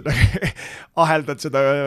valikuvõimaluse, et Timmu läks täitsa kipsi, Parkonen ka, ei mina pean valima, ma ei taha valida no,, et Raidole no, ütlesid, et no üks-kaks, vali. no Sten Sokk oli hädas, ma arvan, et Raido on ikkagi äh,, ikkagi enesekindlam vähe. paneme Andrusele ära ikka särgi. nii, Andrus jah, siis äh, esimesele küsijale, Andrus, võta meiega ühendust, särk tuleb äh, tuleb sinuni ja, ja sellega täna vaikselt hakkame lõpetama, nagu öeldud, järgmisel nädalal äh, kuna me oleme Kristoga Rakveres äh, karikamänge teieni toomas, siis me lindistame saadet mitte tavapäraselt pühapäeval, vaid äh, vaid esmaspäeva varahommikul ja loodame siis teieni tulla juba esmaspäeva päeval, nii et kui meie osa esmaspäeva varahommikul üleval ei ole, ei pea paanitsema, ei pea Kristole helistama hakkama, see osa, see osa tuleb ja, ja siis tulevad juba jõulud ja, ja vaatame siis ehk tuleb, tuleb midagi suuremat. Kristo, on sul siia lõppu äh, veel midagi öelda, enne kui Raidole tänusõnad edasi anname? kas me peame isolatsiooni ka minema sinna saali juba nädal aega ennem Rakveres või? ma ei tea, kas tuleb Kastanil mull või? sa peaks sinu koduklubi ju. meil võiks tulla mull seal tegelikult esmaspäeval, homme lähmegi, ülehomme. homme, ülehomme lähme sinna, teeme väikset trenni kahekesti, hoiame seda vahet, sobib või? räägin või? tahad tulla? Siim, on sul aega äh,? Raido, aitäh sulle, et, et sa tulid, äh, ütleme nii, et äh, pikalt olen sind moosinud, eks sul on siin äh, tihedad ajad olnud, äh, kõik mullid jutud ja ja lõpuks ikkagi sai see asi ära tehtud. Äh, on sul midagi veel korvpallisõpradele öelda enne jõulupühi? ega midagi väga palju lisada ei ole, et hoiame distantsi ja oleme terved, et tegelikult tänud, et kutsusite, et alati, alati meeldib. Ja mees teeb ikka ennast põnevaks, vaata, et see on nagu noh, see on nagu, ma ei tea, baaris ikkagi mitu korda ütled ei, et siis nagu hoiad nagu põnevust üleval, et lõpuks ta ikkagi nagu andis alla ja tuli, et ja ma arvan, täitsa okei, siis hakkame isegi küsimuse, no selle valis auhinna hästi välja, et aga nii, nii sai täna, saab ka järgmine nädal, soovime siis kõikidele mõnusat äh, poolikut isolatsiooniaega ja, ja kohtume siis juba veidi vähem kui nädala pärast. korvpall on meie mäng, mille harrastamisel ja jälgimisel võib tekkida hea tuju ja tunne. Enne saali minemist pea nõu sõbra või elukaaslasega. platsil näeme. Mikk-Mikk. ega edu pole jänes, mis seest ära jookseb. ärid on edukad Hammerheadi majades